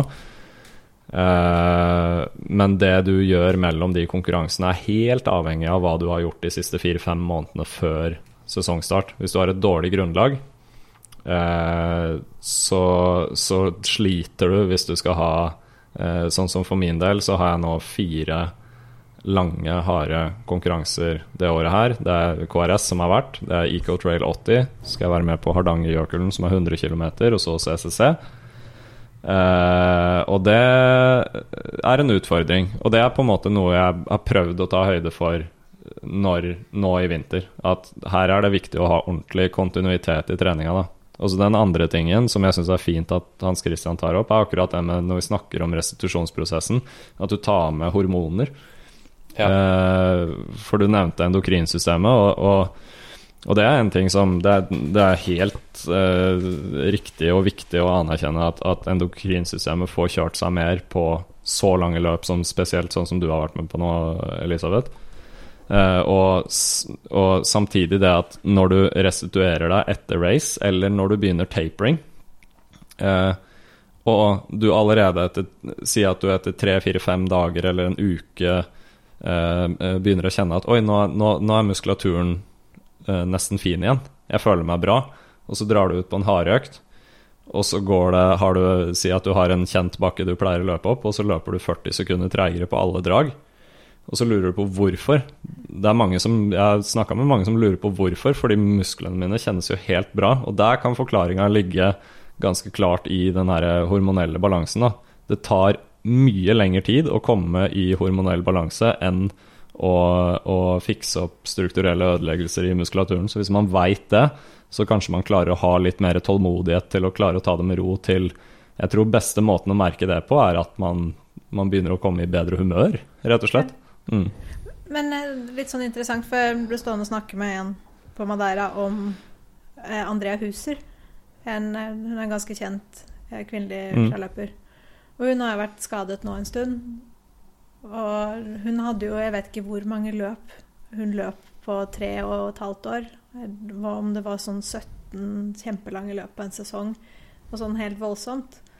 Og i hvert fall sånn som jeg forsto det nå, så har hun problemer med, med beinskjørhet. Ja, det er jo litt sånn som ja, Noen kvinner er jo kanskje mer enn dere menn også utsatt for denne hormonelle balansen. Ja, det kan hende. Ja, men eh, noe som også er Det har tenkt jeg skulle spare for en annen podkast. Det med beinskjørhet og beintetthet og sånt, og, og kvinner og, og alt det der. Men det er jo Har dere hørt om eh, REDS? RED S. Relative Energy Deficiency in Sports. Mm. Uh, og det er mye mer vanlig i ultraløping enn uh, alle andre idretter, tror jeg. Og la meg bare definere det før vi går inn på, på, på mer detaljer og sånt.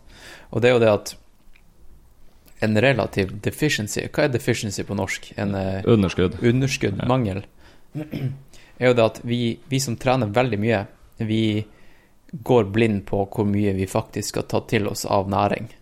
Eh, og det er mange som går, drar ut og trener, og så sjekker de Strava etterpå. Eh, og så står det at du forbrant, forbrant eh, 1000 kalorier. Og så går de hjem, og så spiser de et måltid som er 1000 kalorier. Mm. Ikke sant? Eh, men det de egentlig burde gjort, Mm. var å spise et måltid som var 3000 kalorier. Mm. Fordi de skal ikke bare fylle på det de brukte, Mm. de må jo spise for å bygge seg opp igjen. Mm. Eh, og det er relativ energi, rett og slett. Hva skal du si? Nei, egentlig akkurat i forhold til det med hormoner. For da igjen, siden jeg er jente selv, så vet jeg også det at du kan jo komme der med at du trener mye, og så istedenfor at kroppen da tar av måte, fettreservene, eller eh, hvis du har overskudd av noe sted, så tar den og stenger ned noe av de endokrine systemene istedenfor, sånn at den slipper å bruke energi på det. Sånn som, Da tenker man at ja, men jeg går ikke ned noen ting i vekt, så da sånn sett så spiser jeg det jeg trenger. Men så kanskje du da faktisk Du spiser ikke nok uansett. Det er kjempevanlig. Og det, det, det vanligste å se det på, er jo liksom eh, eksempel da er jenter som er toppidrettsutøvere i tenårene, som aldri har hatt mensen. Eller eh, ikke har eh, eh, bryst, ikke sant? Eller aldri har hatt det. Og så plutselig, da de slutter med, med toppidrett, så får de mensen, ikke sant? I en Mm. alder av 25. Mm. Eh, og det er jo liksom klassiske Klassiske relative energy deficiency. Men, men der tror jeg også man kan, man, man kan dra videre til sånn Jeg bare det, det, Jeg føler at i, i ultraløping, nesten mer enn i, i de fleste andre utholdenhetsidretter jeg har vært involvert i, så er det, det er mye prat om, om ernæring. Og det, er, det er mye dietter, og det er mye veganisme og vegetarianere, og alt det der er helt fint. Gjør det du, du, du eh, har lyst til å gjøre. Men det kanskje viktigste, altså viktigere enn å unngå junkfood og sånt noe, er at du er i energioverskudd. både for helsa og prestasjon. Altså, gi en lang beng i om du veier to kilo mer enn du pleier på racedagen fordi du spiste mye under tapering. Den energien som du får av det du har spist, kommer til å øke prestasjonen din så mye mer enn de to kiloene du, du veier ekstra. Og det å prøve å konstant være i et OK energioverskudd, det gjør at du, du, det blir mindre nedbrytning av muskler, det blir mer effektiv oppbygging av muskler, og alle de her eh, helseplagene som, som, som man kan få, da, eh, risikoen for å få det, det reduseres noe helt enormt. Så og, og igjen til liksom eh, å titte på Strava eller på klokka om hvor mye kalorier du forbrenner. Vær klar over, sånn som du sier, det er ikke nøyaktig i det hele tatt. Og ta bruk følelsen. Altså, ta bruk følelsen og vær ærlig med deg selv om eh, Si at du kjenner deg mett, men at du, du, du, du fortsatt kjenner deg sliten. Så ta en liten effort og prøv å, å spise litt mer, for man kan, når man trener så mye som mange av oss gjør, så kan man bli det man kaller for matlei. Da. Du må spise ekstremt mye. Jeg har opplevd mange ganger at jeg er mett. eh, Så tar jeg meg en halvtime pause og så trykker jeg i meg et eller annet, om det er godis eller is eller en Mækkern-burger eller hva jeg har lyst på. Så kjenner jeg at nå begynner energien å komme. Så få i seg nok energi, det er noe eh, alle burde tenke mye på. Ja. Nei, det, det er vanskelig tema der. Jeg tenkte jeg skulle lage en, en, hel episode som var litt sånn her eh, ernæring slash spiseforstyrrelsesspesial. Mm. Eh, fordi som du sier, det er veldig mye ute og går, eh, og jeg merker det tett på folk som jeg trener mye med. Eh, og egentlig alle jeg tar det her opp med, så er det en greie. Fordi at det er så mye trender ute og går, folk blir forvirra. Folk har litt eh, skam, ofte, for mengden de spiser. Fordi vi spiser jo mye mer enn alle andre, Mm. ofte. Mm. Eh, og vanlige folk stusser over det. Mm. Og bemerkninger i lunsjen, ikke sant det, sånn her, Skal du spise alt det der der? Mm. Ikke sant? Da, da tenker du sånn her Shit, det, kanskje det var litt mye.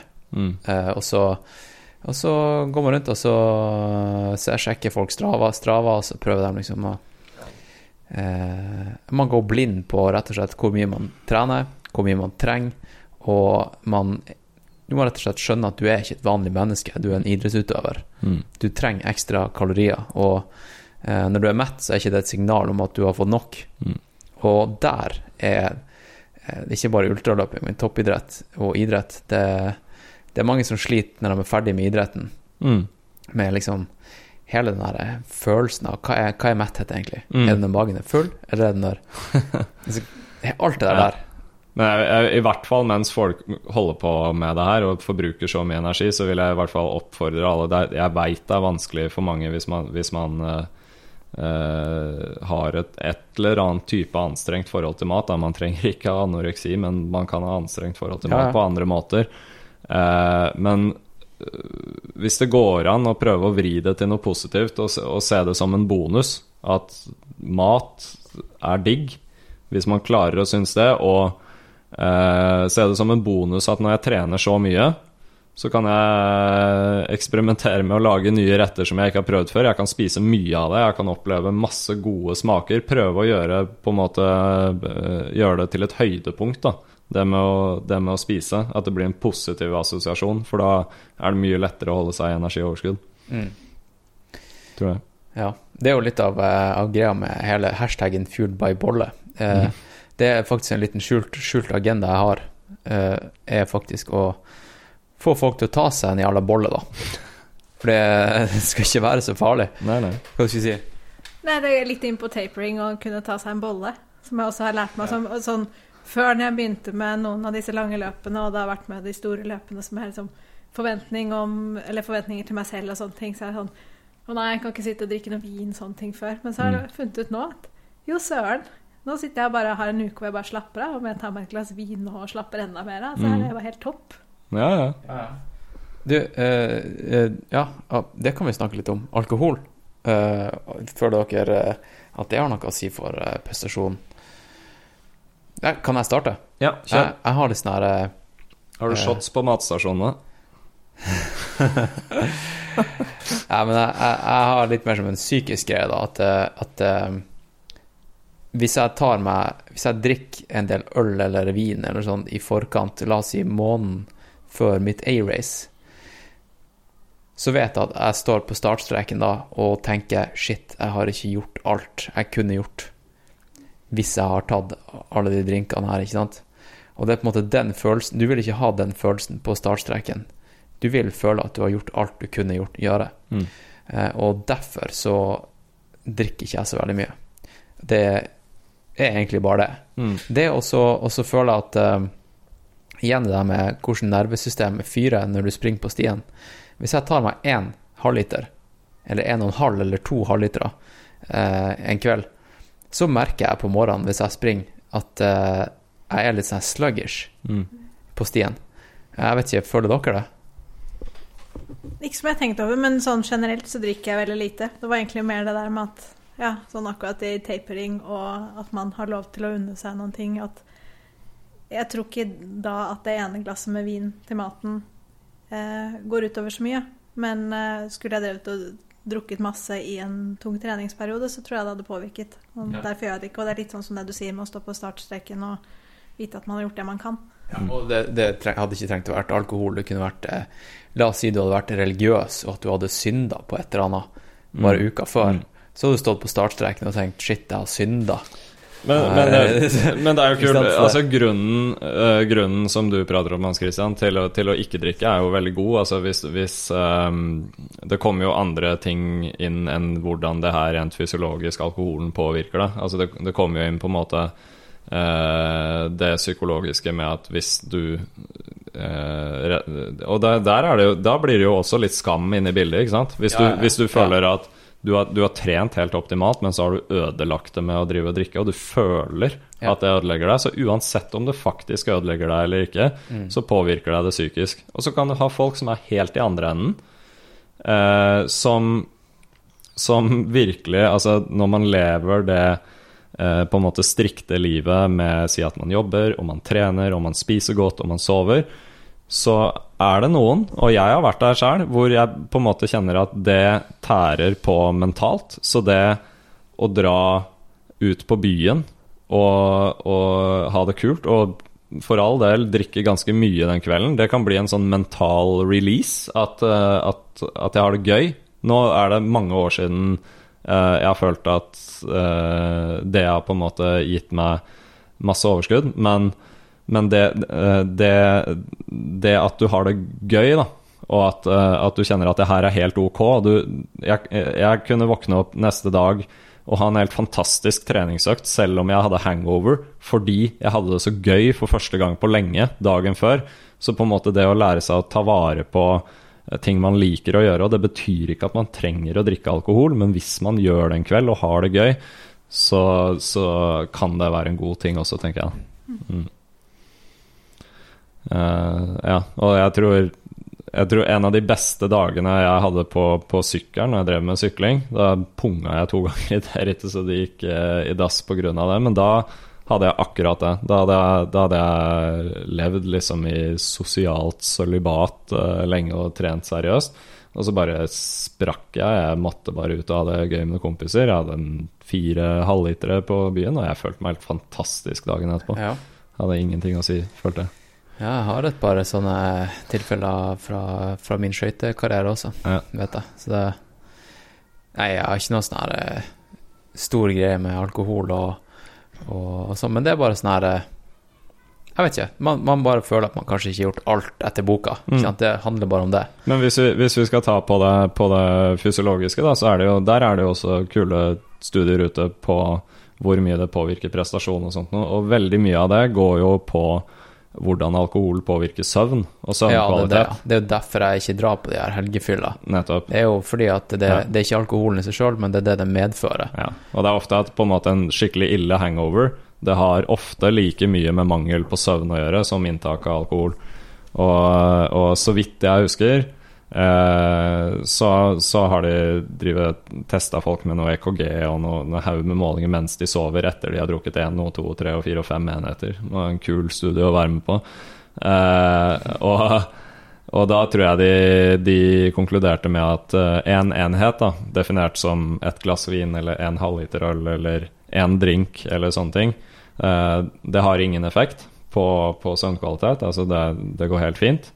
Eh, men avhengig av kroppsvekt og, og metabolisme og sånt, så er det for de fleste, hvis du drikker to enheter eller mer, så begynner det å gå utover søvnkvalitet. Så der kan man jo på en måte, hvis man vil sette en grense og snakke om fysiologien, så kan man jo sette en grense der da, på om det påvirker eller ikke.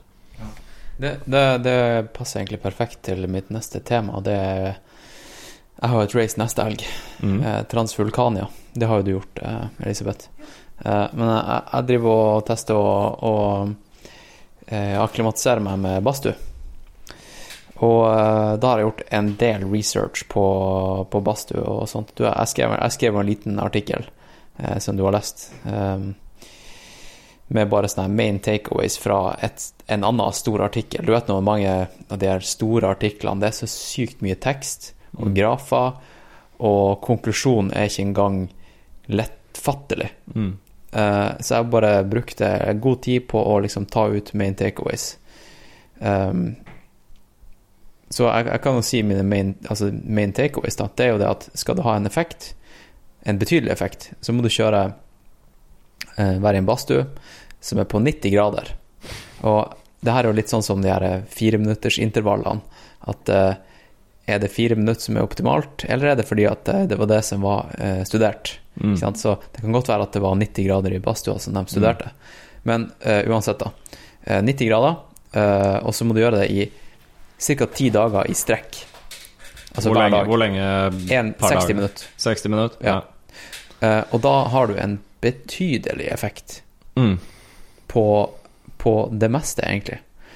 Eh, ikke bare liksom at du føler deg bedre i varmen, men eh, jeg, jeg kan ta opp eh, Hvis jeg har, jeg har ikke Men, men det er kult, det her, for det, det, det, er jo, det er jo ikke mange ukene siden, om det er to uker siden eller noe, at det eh, ble også eh, promotert Eller eh, snakka om en studie som er gjort i Lillehammer.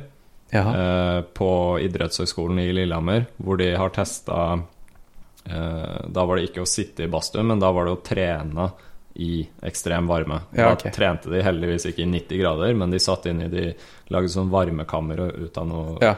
noe dusjrom de hadde der. Ja, det så jeg på nyhetene. Jeg tror de trente i sånn 45 grader eller noe. Ja, syklister, sant? Syklister, ja. Ja. Og, og formålet bak den studien, som, som er eh, Man står alltid på skuldrene av andre giganter, andre studier. Eh, det er at eh, eh, de ser at når man driver akklimatisering til varme, eller hvis man er på treningsleir i et eh, varmt miljø og sånt noe, eh, så har man mye av de samme fysiologiske endringene som når man trener i høyden. Ikke sant? Ja. Og eh, der er det noe På en måte Så vidt jeg husker, så er det på en måte det, det med at du trener i høyden og at du opplever hypoksi, da, at du ikke får nok oksygen, som stimulerer til mer produksjon av røde blodceller. Mm. At det å trene i varmen det påvirker den samme signalveien i kroppen, men bare fra en annen vinkling, på en måte. Så vidt jeg husker, så har det noe med som vi kaller for heatshock-proteiner, som også påvirker noe hypoksi.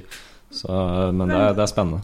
Tar ikke varmen også og øker blodvolumet, eller blodplasma, eller volumet, sånn at, at det også har Det- en effekt? Det vil også være en konsekvens av det samme. Så, så på en måte hvis du Så vidt jeg har forstått det, og nå hvis det er noen som kan mer enn meg der ute, så gjerne arrester meg, men eh, når du har den samme effekten som du får av hypoksi i, i høyden, og det blir produsert mer røde blodlegemer, så reagerer kroppen også med å produsere mer plasma i blodet, og mer rø- røde blodlegemer pluss mer plasma. Plasma er nødt til å være der i tillegg for at blodet skal være tynt nok til at det flyter effektivt. Hvis du øker begge de, så øker naturligvis hele blodvolumet ganske mye også. Så I, I tillegg da så, så går selve pulsen ned i varmen, Ja. ikke Mm. sant? Så, så du bruker faktisk mindre kalorier, Mm. eh, eller mindre energi Mm. eh, i varmen. Eh, men eh, jo, det her er jo kjempeinteressant, for Mm. jeg har lest tidligere også at, at du kunne, hvis du bor f.eks. i lavlandet, så kan du faktisk være klar for et race i høyden med å bare sette deg i badstua. Men, men eh, jo, jeg driver og tar badstue. Jeg skal faktisk ta badstue i kveld. Eh, men en av de tingene jeg skrev i, i artikkelen, var liksom eh, en personlig erfaring. Da. Og det er jo det at for at badstue skal ha en effekt, så burde det også ikke gå utover den andre treninga du gjør. Mm. Det, du, det burde ikke gjøre at La oss si at du hadde tatt, tatt tredemølla i badstua, så ville det påvirka løpeøkta di. Eller Eh, Eller at du hadde sprunget med klær ute. jeg bare, Nå har jeg en bra historie om så jeg, jeg må bare si det, det er ikke helt relatert. Men eh, om han eh, eh, Jace, sprinter Ja, ja, ja. ja fortell det. Han uh, Vi hadde uh, gamle treneren hans, uh, som heter Olav Tveitå. Eh, vi hadde han som trener når jeg gikk på, på videregående skole. Eller sprinteren hadde han som trener. Og han fortalte at når Jace kom til Norge og skulle løpe sin første sprintkonkurranse på Bislett, tror jeg det var, eh, så hadde Olav nettopp blitt kjent med han. Og så hadde han sagt en halvtime før, eller 40 minutter før løpet at ja, nå, nå kan du ikke sitte her og henge, Jace. Nå må, du, nå må du sette i gang og varme opp så du er klar til løpet. Han bare OK, jeg skal varme opp. og så kommer han tilbake til Olav sånn fem-ti minutter før start. Og Olav lurer på hvor i svarta han har vært, for han har ikke sett ham på oppvarmingsbanen. Han bare 'Å, Olav, jeg føler meg så dårlig'. jeg er så slapp, jeg er ikke klar i det hele tatt. Han bare 'Hva er det du har drevet med?' Så bare, «Nei, jeg satt i badstua, jeg skulle varme opp. Så badstue funker kanskje til formålet du kjører, men ikke kjør det som oppvarming. Ja, sånn eh, kan det gå med, med litt språk-issues. Eh, jo, men uh, nå pga. podkasten så, så ser jeg at eh, det blir en sen badstue i dag. Ja. Og jeg vet av erfaring, for jeg, jeg, jeg tar en del badstue jeg, Jeg har tatt en del Det vet jo alle lytterne mine også. Jeg, jeg, kommer inn, jeg skal ta en badstuehistorie historie etterpå, fordi det skjedde noe tidligere i uka. Uh, Minn meg på det hvis jeg glemmer det. Uh, uh, jo, sein badstue. Man drikker jo veldig mye vann mens Ja. man er i badstua. Eller man blir veldig tørst. Så under og etter så blir det veldig mye vanndrikking. Og det gjør at man må pisse en del. Og det her påvirker min nattesøvn, for jeg må opp og pisse. Ja. Og da, hvis jeg tar mye badstue på kvelden da, så sier det seg sjøl at det går utover min restitusjon. Mm. Og da har det plutselig en diminishing effect.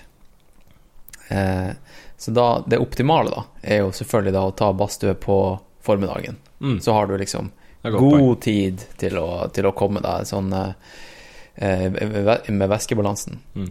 Men eh, bare sånn life hack, ikke life hack, da, men tips, selvfølgelig, Bastohack. eh, er jo at eh, hvis jeg som er inspirert av den Japan-turen, jeg har jo begynt å drikke en del misos, eller spise misosuppe, Mm. som er kjempesalt. Og det spiser jeg når jeg kommer hjem fra badstue. Mm. Salt suppe. Det kunne vært buljong. Ja. Eh, norsk god gammeldags buljong. Ja, det er godt, altså. Miso-suppe. eh, skal jeg ta den badstue-storyen? Kjør det. er Egentlig ikke sånn her kjempebra badstue-story, men det, jeg har jo snakka om eh, den her badstua eh, på Ringnes Park. Eh, det var der jeg traff han Amir, han ene som var i podkasten. Og eh, jeg har truffet mange fantastiske mennesker der. Og det gjorde jeg også på mandag. Og da var det en, eh, en dude, så jeg bare Jeg bare satte meg ned, og så, og så sitter han der i sånn her eh, lotusstilling. Og så får vi sånn skikkelig blikkontakt. Uh, og så tenker jeg sånn her, shit, enten så vil han banke meg, eller så vil han liksom connecte med meg. Uh, og så selvfølgelig vil han connecte med meg på et sånn dypere nivå. Ja. Han viser seg å være en kjempehyggelig kis som vi bare Vi satt og prata kjempelenge. Uh, hadde masse til felles.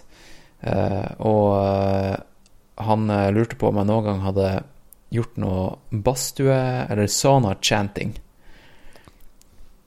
Uh, og han fortalte meg at, at uh, i den badstua der på Ringnes Park, så hadde han fått med seks stykk randoms som aldri hadde møtt hverandre, i den badstua, til å drive med sånn her badstue-chanting. Og for dem som ikke vet hva chanting er, så er det å liksom si en uh, så Dere dere vet i yoga at den derre home Mm. Mm. Det å få alle til å si det i kor, som en type meditasjonssession. uh, den badstua der, ass. Den, uh, den fortsetter å overraske. Og vi bare, vi bare satt der og snakka om hvor spesiell akkurat den badstua der var. Fordi at de menneskene som kommer dit, det er jo bare sånn her Det er bare så mange tilfeldige folk, men de, de fleste er bra folk, og vi ender opp med å liksom Ja, det er gjengangere. Men det er liksom Det er, det er som en sånn naturlig greie når du er i badstua. Det, det er ikke alltid du som, som innleder liksom samtalen. Det er, det er bare en sånn generell stemning om at her er folk gira på å bli kjent mens vi sitter og svetter. Ja, eller sånn Jeg var i, jeg var i badstua i går med han Patrick, og da var det ingen andre som snakka, men det er jo bare fordi at eh, han Patrick snakker så høyt og eh, på innpust, så han la jo ikke noen andre komme til. Men eh, ellers så ville det hørt til. men ja. Nei, jeg bare tenkte på badstue og ja, litt sånn yoga og sånne ting. Har dere noen tanker om da sånn hot bikram-yoga? Sånn Fordi, fordi eh, det, det optimale er jo selvfølgelig, igjen da, spesifisitet. Skal du prestere i et race eh, som er i varmen, så burde du Det optimale er jo å trene i den varmen som racet er i, ikke sant? Eh, så selvfølgelig, det gir ikke totalt mening å sitte i 90 grader helt stille. Det optimale er jo å være i aktivitet. Men det er det beste vi kan få til her i Norge, da, Ja. kan du si. Ja, så jeg har faktisk eh, stått i badstua og tatt eh, kneløft Ja. eh, ganske ofte. Men her om dagen da jeg gjorde det, for jeg hadde glemt vannflaska, Mm. så, så holdt jeg på å kollapse.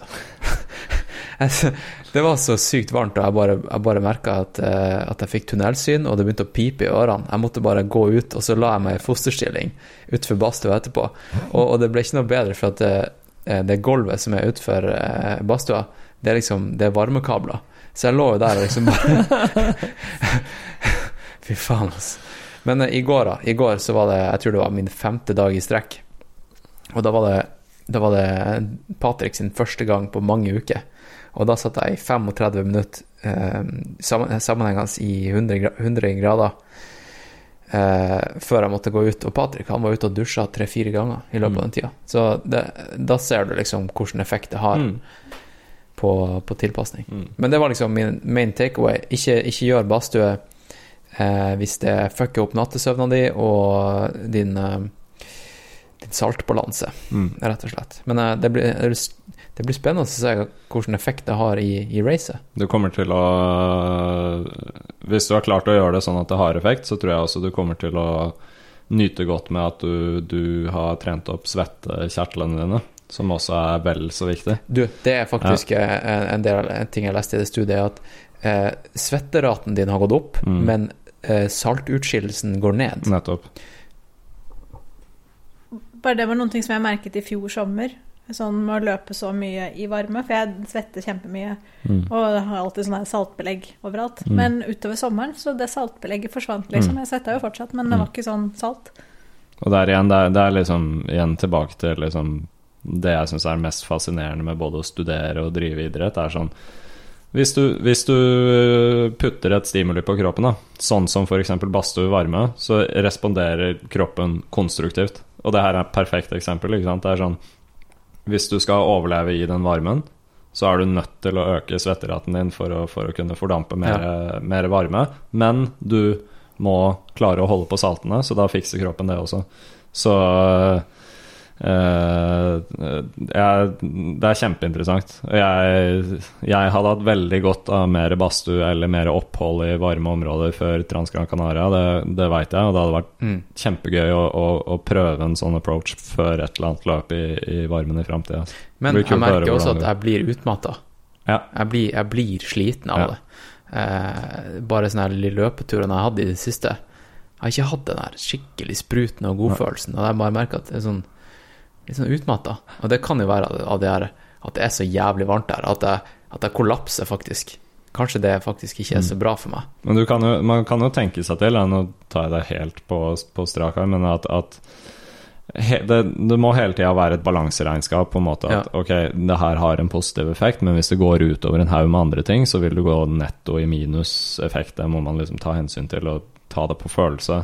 Men kanskje eh, si at hvis du må sitte 60 minutter i en viss varme hver dag over en viss tid for å få effekt, kanskje det finnes en fornuftig type periodisering på badstue også.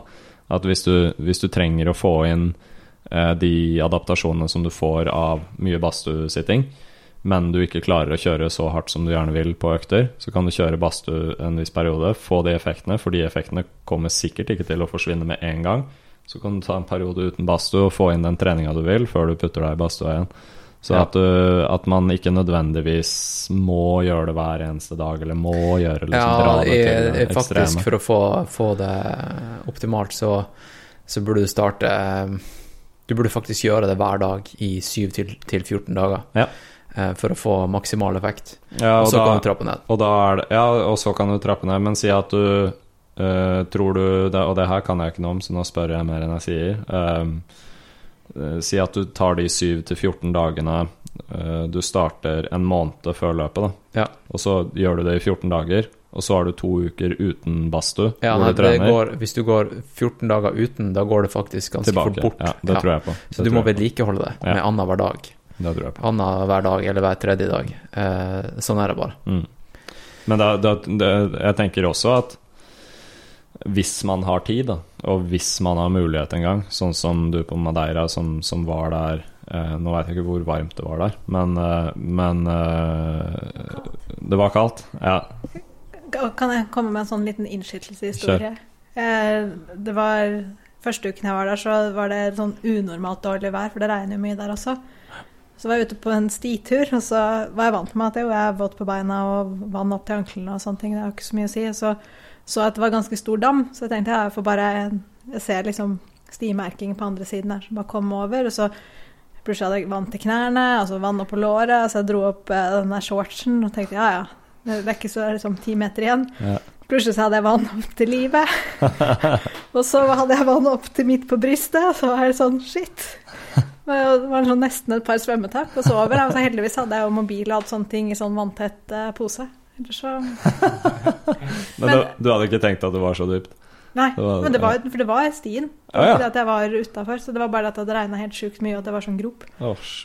Men- Du sprang ikke opp i en av de akvaduktene som var på øya? Jeg endte opp i en av de òg. men ja, nei, det er ikke så veldig varmt her. Nei, nei, nei.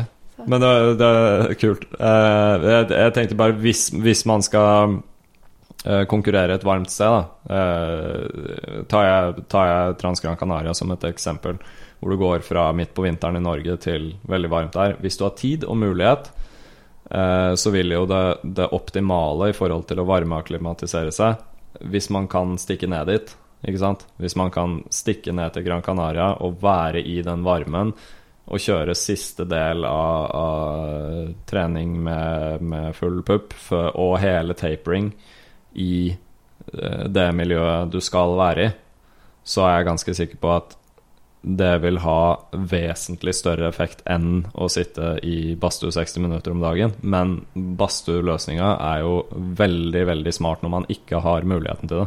Og spesielt når man eh, har en sånn badstue på Ringnes, der ja. du kan prate Ha intellektuelt eh, Ofte intellektuelle, flotte samtaler med, med flotte mennesker. Det har også vært noe.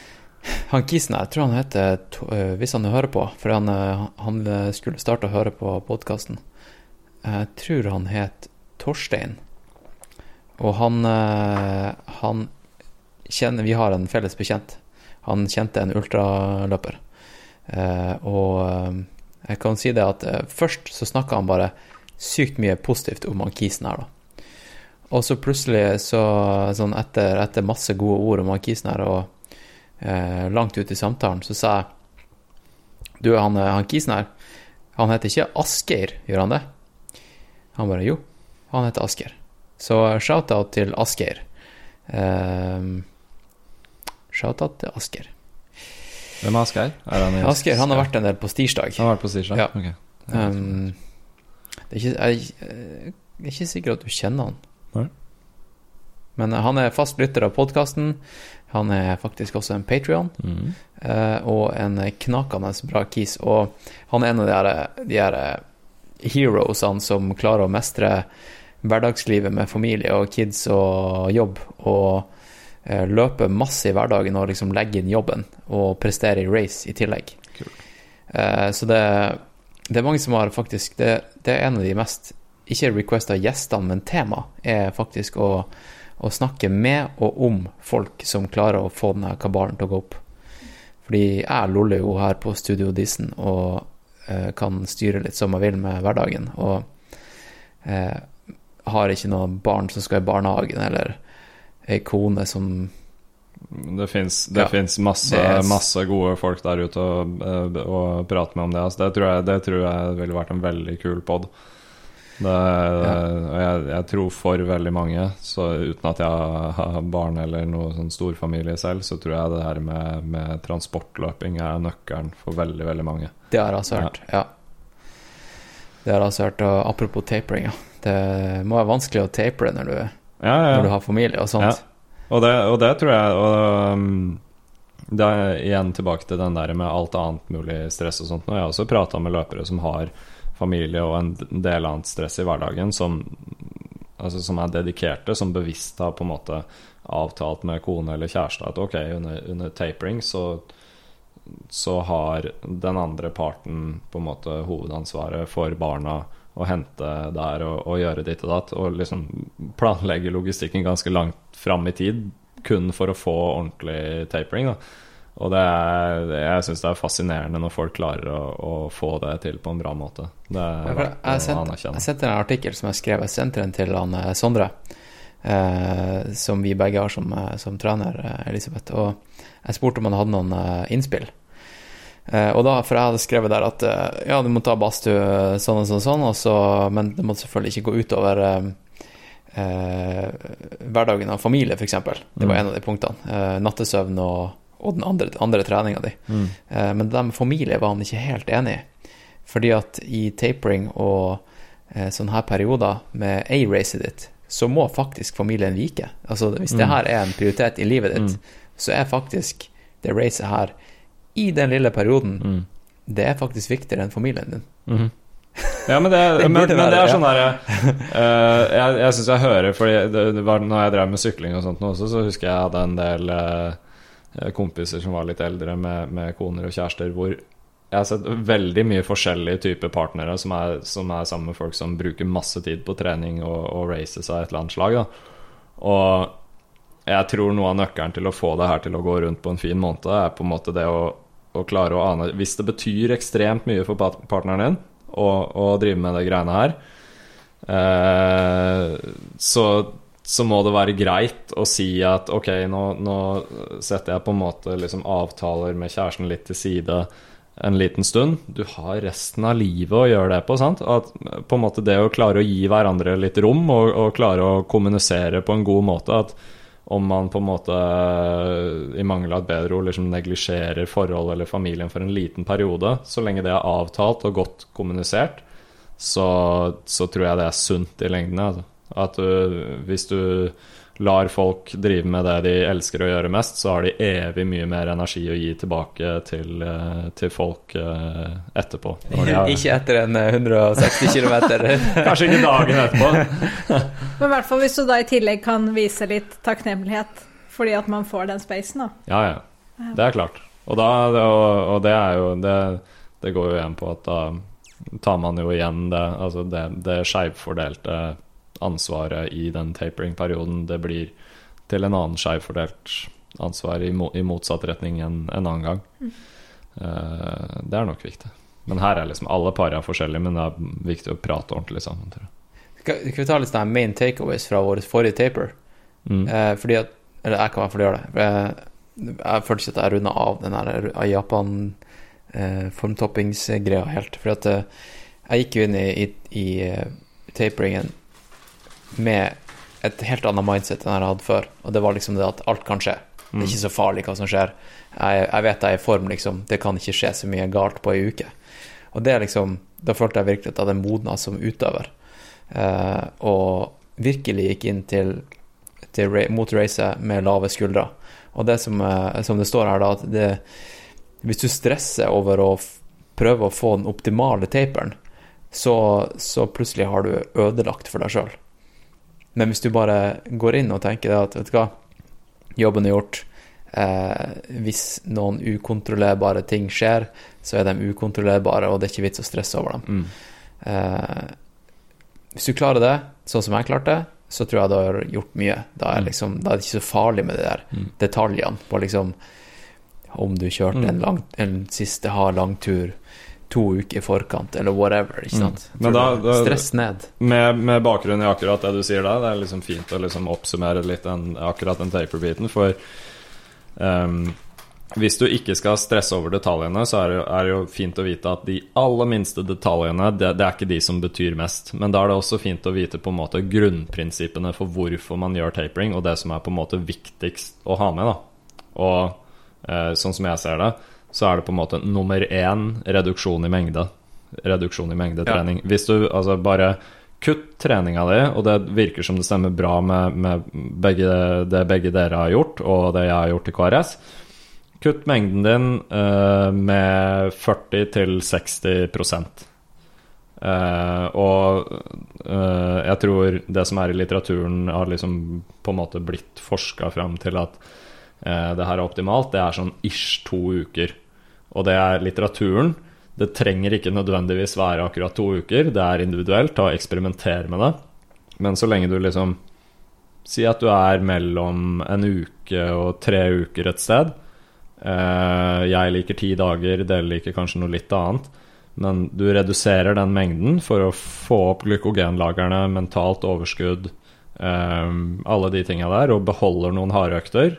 Eh, løper litt på sti for å holde den nervefyringa og responsen i steget, Mm. så er du good. Mm.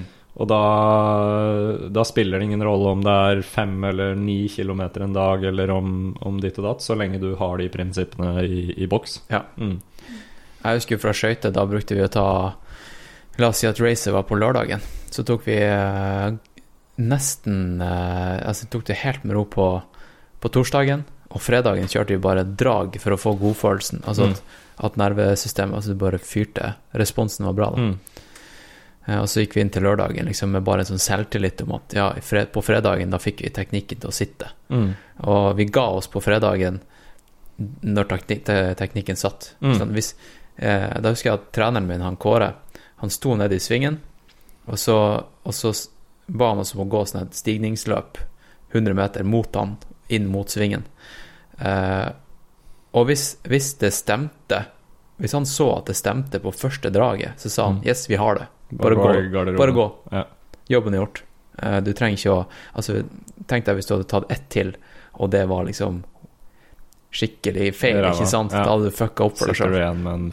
Det er det viktigste å ha en god følelse inn mot, uh, mot racedagen. Mm. Eh, jo, uh, du sa noe om uh, glykogenlagre. Har dere gjort noe testing på Ja, du vet hva jeg skal inn på nå? Med cardboard loading. Nei, ikke noe sånn at jeg spiser noe sånn voldsomt mye mer. Jeg passer i hvert fall å få i meg en del karbohydrater. Men eh, ikke noe sånn at jeg har gjort noe sånn skikkelig Nei, nå skal jeg først tømme lagrene, og så eh, fylle de opp igjen. Mm. Jeg, jeg vet ikke om dere Nå husker jo ikke jeg hvem av de, men det var en av disse langrennsløperne nå i vinter som det sto en del om. For han, ja, han Mm. har jo sånn kanskje sin litt sånn ekstreme Mm. eh, måte å skulle stikke ut på en løp, fire timers løpetur. eh, Mm. Bare for å tømme seg helt. Det er, det er eh, Akkurat på den så er jeg eh, var så heldig at vi hadde en, en postdoc oppe på NIH som heter uh, José, som, som sammen med en annen gruppe Han, er, han har doktorgrad i, i uh, glykogen metabolisme og på en måte hvor mye kroppen kan ta opp, er det noe vits med karboloading osv. Og, og eh, det de endte opp var, med, var at det her med å tømme eh, lagrene, for så å fylle de, fordi da, får du en da kan du fylle de ekstra mye mer. Det stemmer ikke. Eh, så, så det de gikk ut og sa, var bare slutt å sulte dere selv før dere carboloader. Dere bare bruker masse krefter for ingen grunn. Ja. Da tror jeg det er mange som satt igjen og bare ah, fuck. men, men det, det uh, I hvert fall det jeg har prata med han om i lunsjen og lest bitte litt om, er at uh, det er trenbart hvor mye uh, næring vi kan ta opp under løp. Så det kan trenes opp med å, å eh, eh, ta opp næring på trening.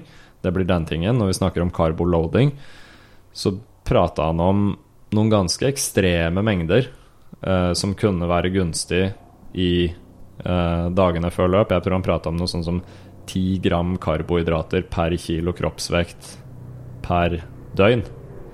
Og det er veldig mye. Jeg, det var før Så, så for meg, da, så ville det vært eh, 650 gram eh, carbs. carbs, i- rene carbs. Bare, bare Ja. carbs Ja, i døgnet. Uh, I dagene før, ja. Og, og jeg, jeg testa ut det her, da. Hva, hva er det liksom i, i praksis, da? Hvis du skulle spist pasta eller uh, la oss si brødskive, hvor, Ja. mange, hvor mange brødskiver Ja, vil det det jeg gjorde, da, det var jo Jeg, jeg, ville jo, jeg hadde jo prata med José før, um, før Hornindal for to år siden. Og da ble jeg jo liksom Hva faen, han karen her, han kan jo greiene sine. Jeg må begynne å spise. Jeg har jo ikke spist nok. Så jeg, i, for å gi en beskrivelse, da, for å, for å opprettholde en plan her, i bilen på vei opp til Hornindal, så hadde jeg to hele brød. Eh, og jeg gadd ikke smøre liksom alle ferdig, så jeg satt med noen plastkniver og noe Nugatti og noe salami og noe majones og bare dytta i meg. Da. Jeg følte jeg spiste hele bilturen. Og jeg var så mett, og vi kom fram, og så lagde vi pastamiddag og spiste enda mer. Og øh, det greiene her på racedagen Jeg følte meg så tung og dårlig at jeg kunne ikke tarmene være ganske fylt opp, holdt jeg på å si. jo, ja, ja, om tarmene ikke var fylt opp, så var et eller annet annet fylt opp. For, for eh, det der eh, tror jeg kan si at det akkurat å kjøre det til det så ekstreme, det hadde ikke en positiv effekt for min del. Så Du hadde ikke trengt å spise brød, da. Du kunne spist noe annet. Du kunne jo jo faktisk drukke, drukke eh, drukket, drukket Morten, Ja. eksempel. ja, Eh, det hadde gått an. ja, Men, men det her blir bare sånn anek- anekdotiske Ja. bevis på, på kun meg, men jeg gjorde det det året. Det funka ikke, og så bestemte jeg meg bare for at sånn som Elisabeth sier, nå legger vi all den her liksom preiket og studien og vitenskapen til side, og så spiser jeg på en måte det jeg føler at nå jeg Nå føler jeg meg fresh og fin. Det er jo det viktigste. Og det fungerte kjempebra. Og da er det sånn Jeg tror hvis jeg skulle regna på det, så hadde det vært altfor lite i forhold til de anbefalingene som, som blir gitt der. Men jeg følte meg kjempebra. I hvert fall Hornindal i fjor. Jeg holdt hele løpet. Jeg gikk aldri tom. Uh, så jeg tror uansett hvor mye man studerer ting, så er det verdt å, å kjenne på, på følelsen av hva som kjennes beha behagelig å spise. Og jeg tror det viktigste er at man ikke går Man skal i hvert fall ikke gå flere timer i noen av dagene før løpet og være sulten fordi man har planlagt dårlig med måltider. Til å ha mat tilgjengelig hvis du blir sulten, tenker jeg. Ja. Skal vi begynne å runde av, eller? Vi Har vi, eh, har vi tatt opp de fleste temaene? Hva du tror du, Elisabeth? Ja, ikke noe jeg kommer på nå som sånn mangler. Dere har ikke noen sånne her hemmeligheter dere har lyst til å avsløre til eh, alle mine hundretusenvis av lyttere? Nei, det er ikke sånn, noen sånn hemmelighet. Jeg prøver nå i hvert fall å sove best mulig. om de siste dagene. Det er jo det eneste tinget som for så vidt jeg vet kan stresse meg selv, er at hvis jeg dagene før løpet begynner og så liksom ikke får sove nok, eller at det er sånne ting, det er jo sånt som stresser meg opp. Og som kanskje tar mer energi enn det det egentlig er så farlig, så lenge man er generelt uthvilt. Mm.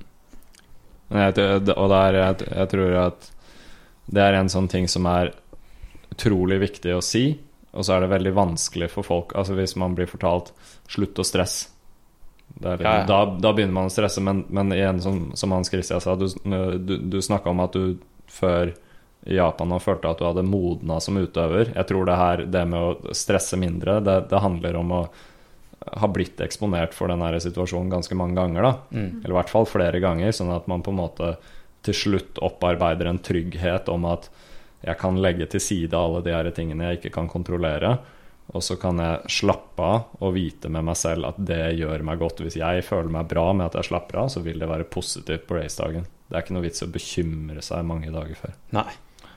Det her med søvn i forkant av, eh, av et race også, jeg tror eh, han, Hva han heter han? han Klæbo, han snakka jo om eh, eh, Var det VM? Eh, siste VM, at han ikke hadde sovet noe natta før, eller noe sånt Mm. der. Eh, og det er nok veldig mange race der ute som har blitt vunnet på null søvn. Mm. Og jeg tror folk bare må vite det.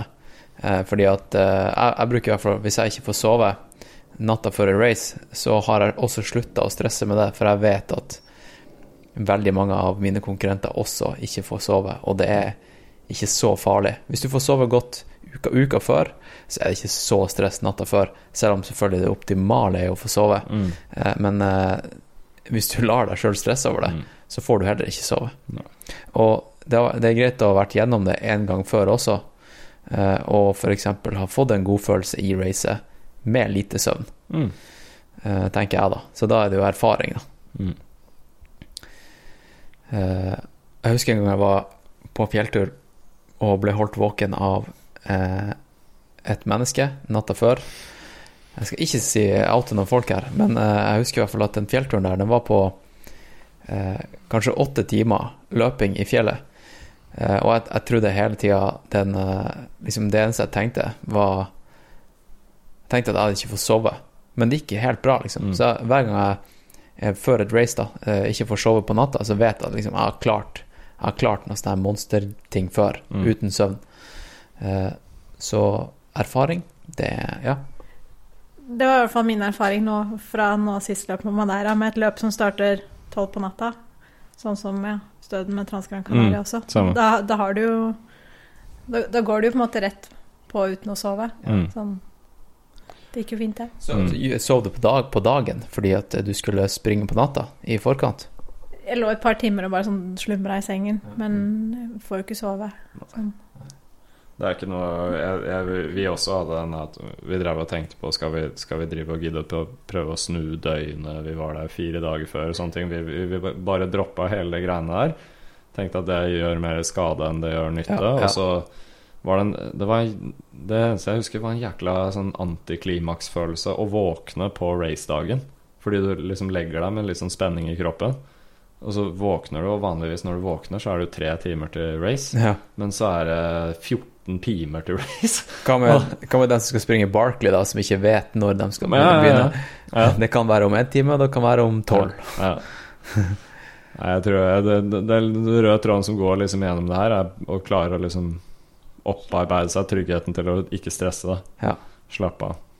Da, og kanskje også i Tilbake til, til mitt NM, så tror jeg det var også det at jeg hadde evnen til å klare å slappe av og ikke stresse med at den her tetgruppa dro fra meg i den ene bakken.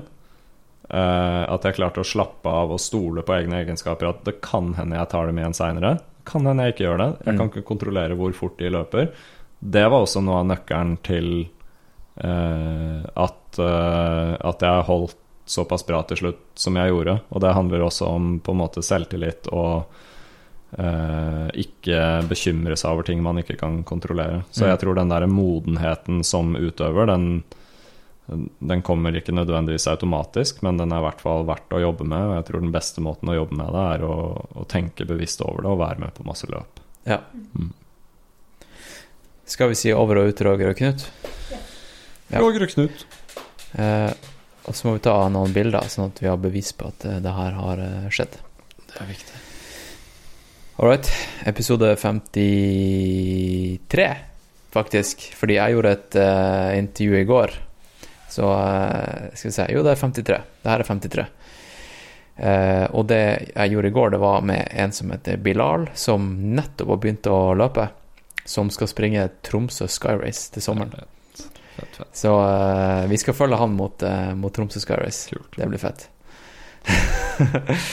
All right. Vi snakkes, eh, folkens. Snakkes. Ha det. Ok, folkens. Uh, nå er jo episoden over, og jeg håper du likte dagens, dagens episode. Praten med meg og Elisabeth og Askild. Eh, men det er noe jeg vil eh, bare skyte inn på tampen her, og det er at eh, hvis du er en av dem som kanskje føler at vi trigger et eller annet med det her med spiseforstyrrelseopplegget, og at du føler at du kanskje er litt sånn på, på randen til å miste kontrollen, at du har feil fokus, rett og slett, at eh, kanskje fokuset på hva du spiser, og f.eks.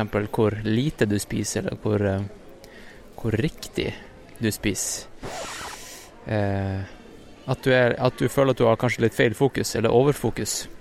Hvis du er en av dem, eh, ta, og, ta og send meg en melding på, på Facebook eller eh, Instagram eller et eller annet. Så, så kan jeg sette deg i kontakt med noen eh, riktige folk. For det er Det er ganske så mye mer vanlig enn du tror. Og eh, det er ikke det at du er syk som f.eks. har de her tankene her. Det er, det er bare feilfokus. Du trenger å snakke med en profesjonell. Det er bare sånn det. Eh, å få, få geleida deg inn på, på riktig spor. Eh, ja, da, da, kan jeg si det at eh, jeg er fortsatt på Operataket her i Oslo. Og jeg måtte rett og slett gå inn fordi at eh, det regner som et helvete der ute. Og jeg um, Det her er jo rett etter at jeg spilte inn introen, og Marius har fortsatt ikke kommet. Og jeg tror faktisk at vi må, må droppe hele denne innspillinga. Det går rett og slett ikke an å filme ute, det er storm. Så da må vi ta, den, ta det en annen gang.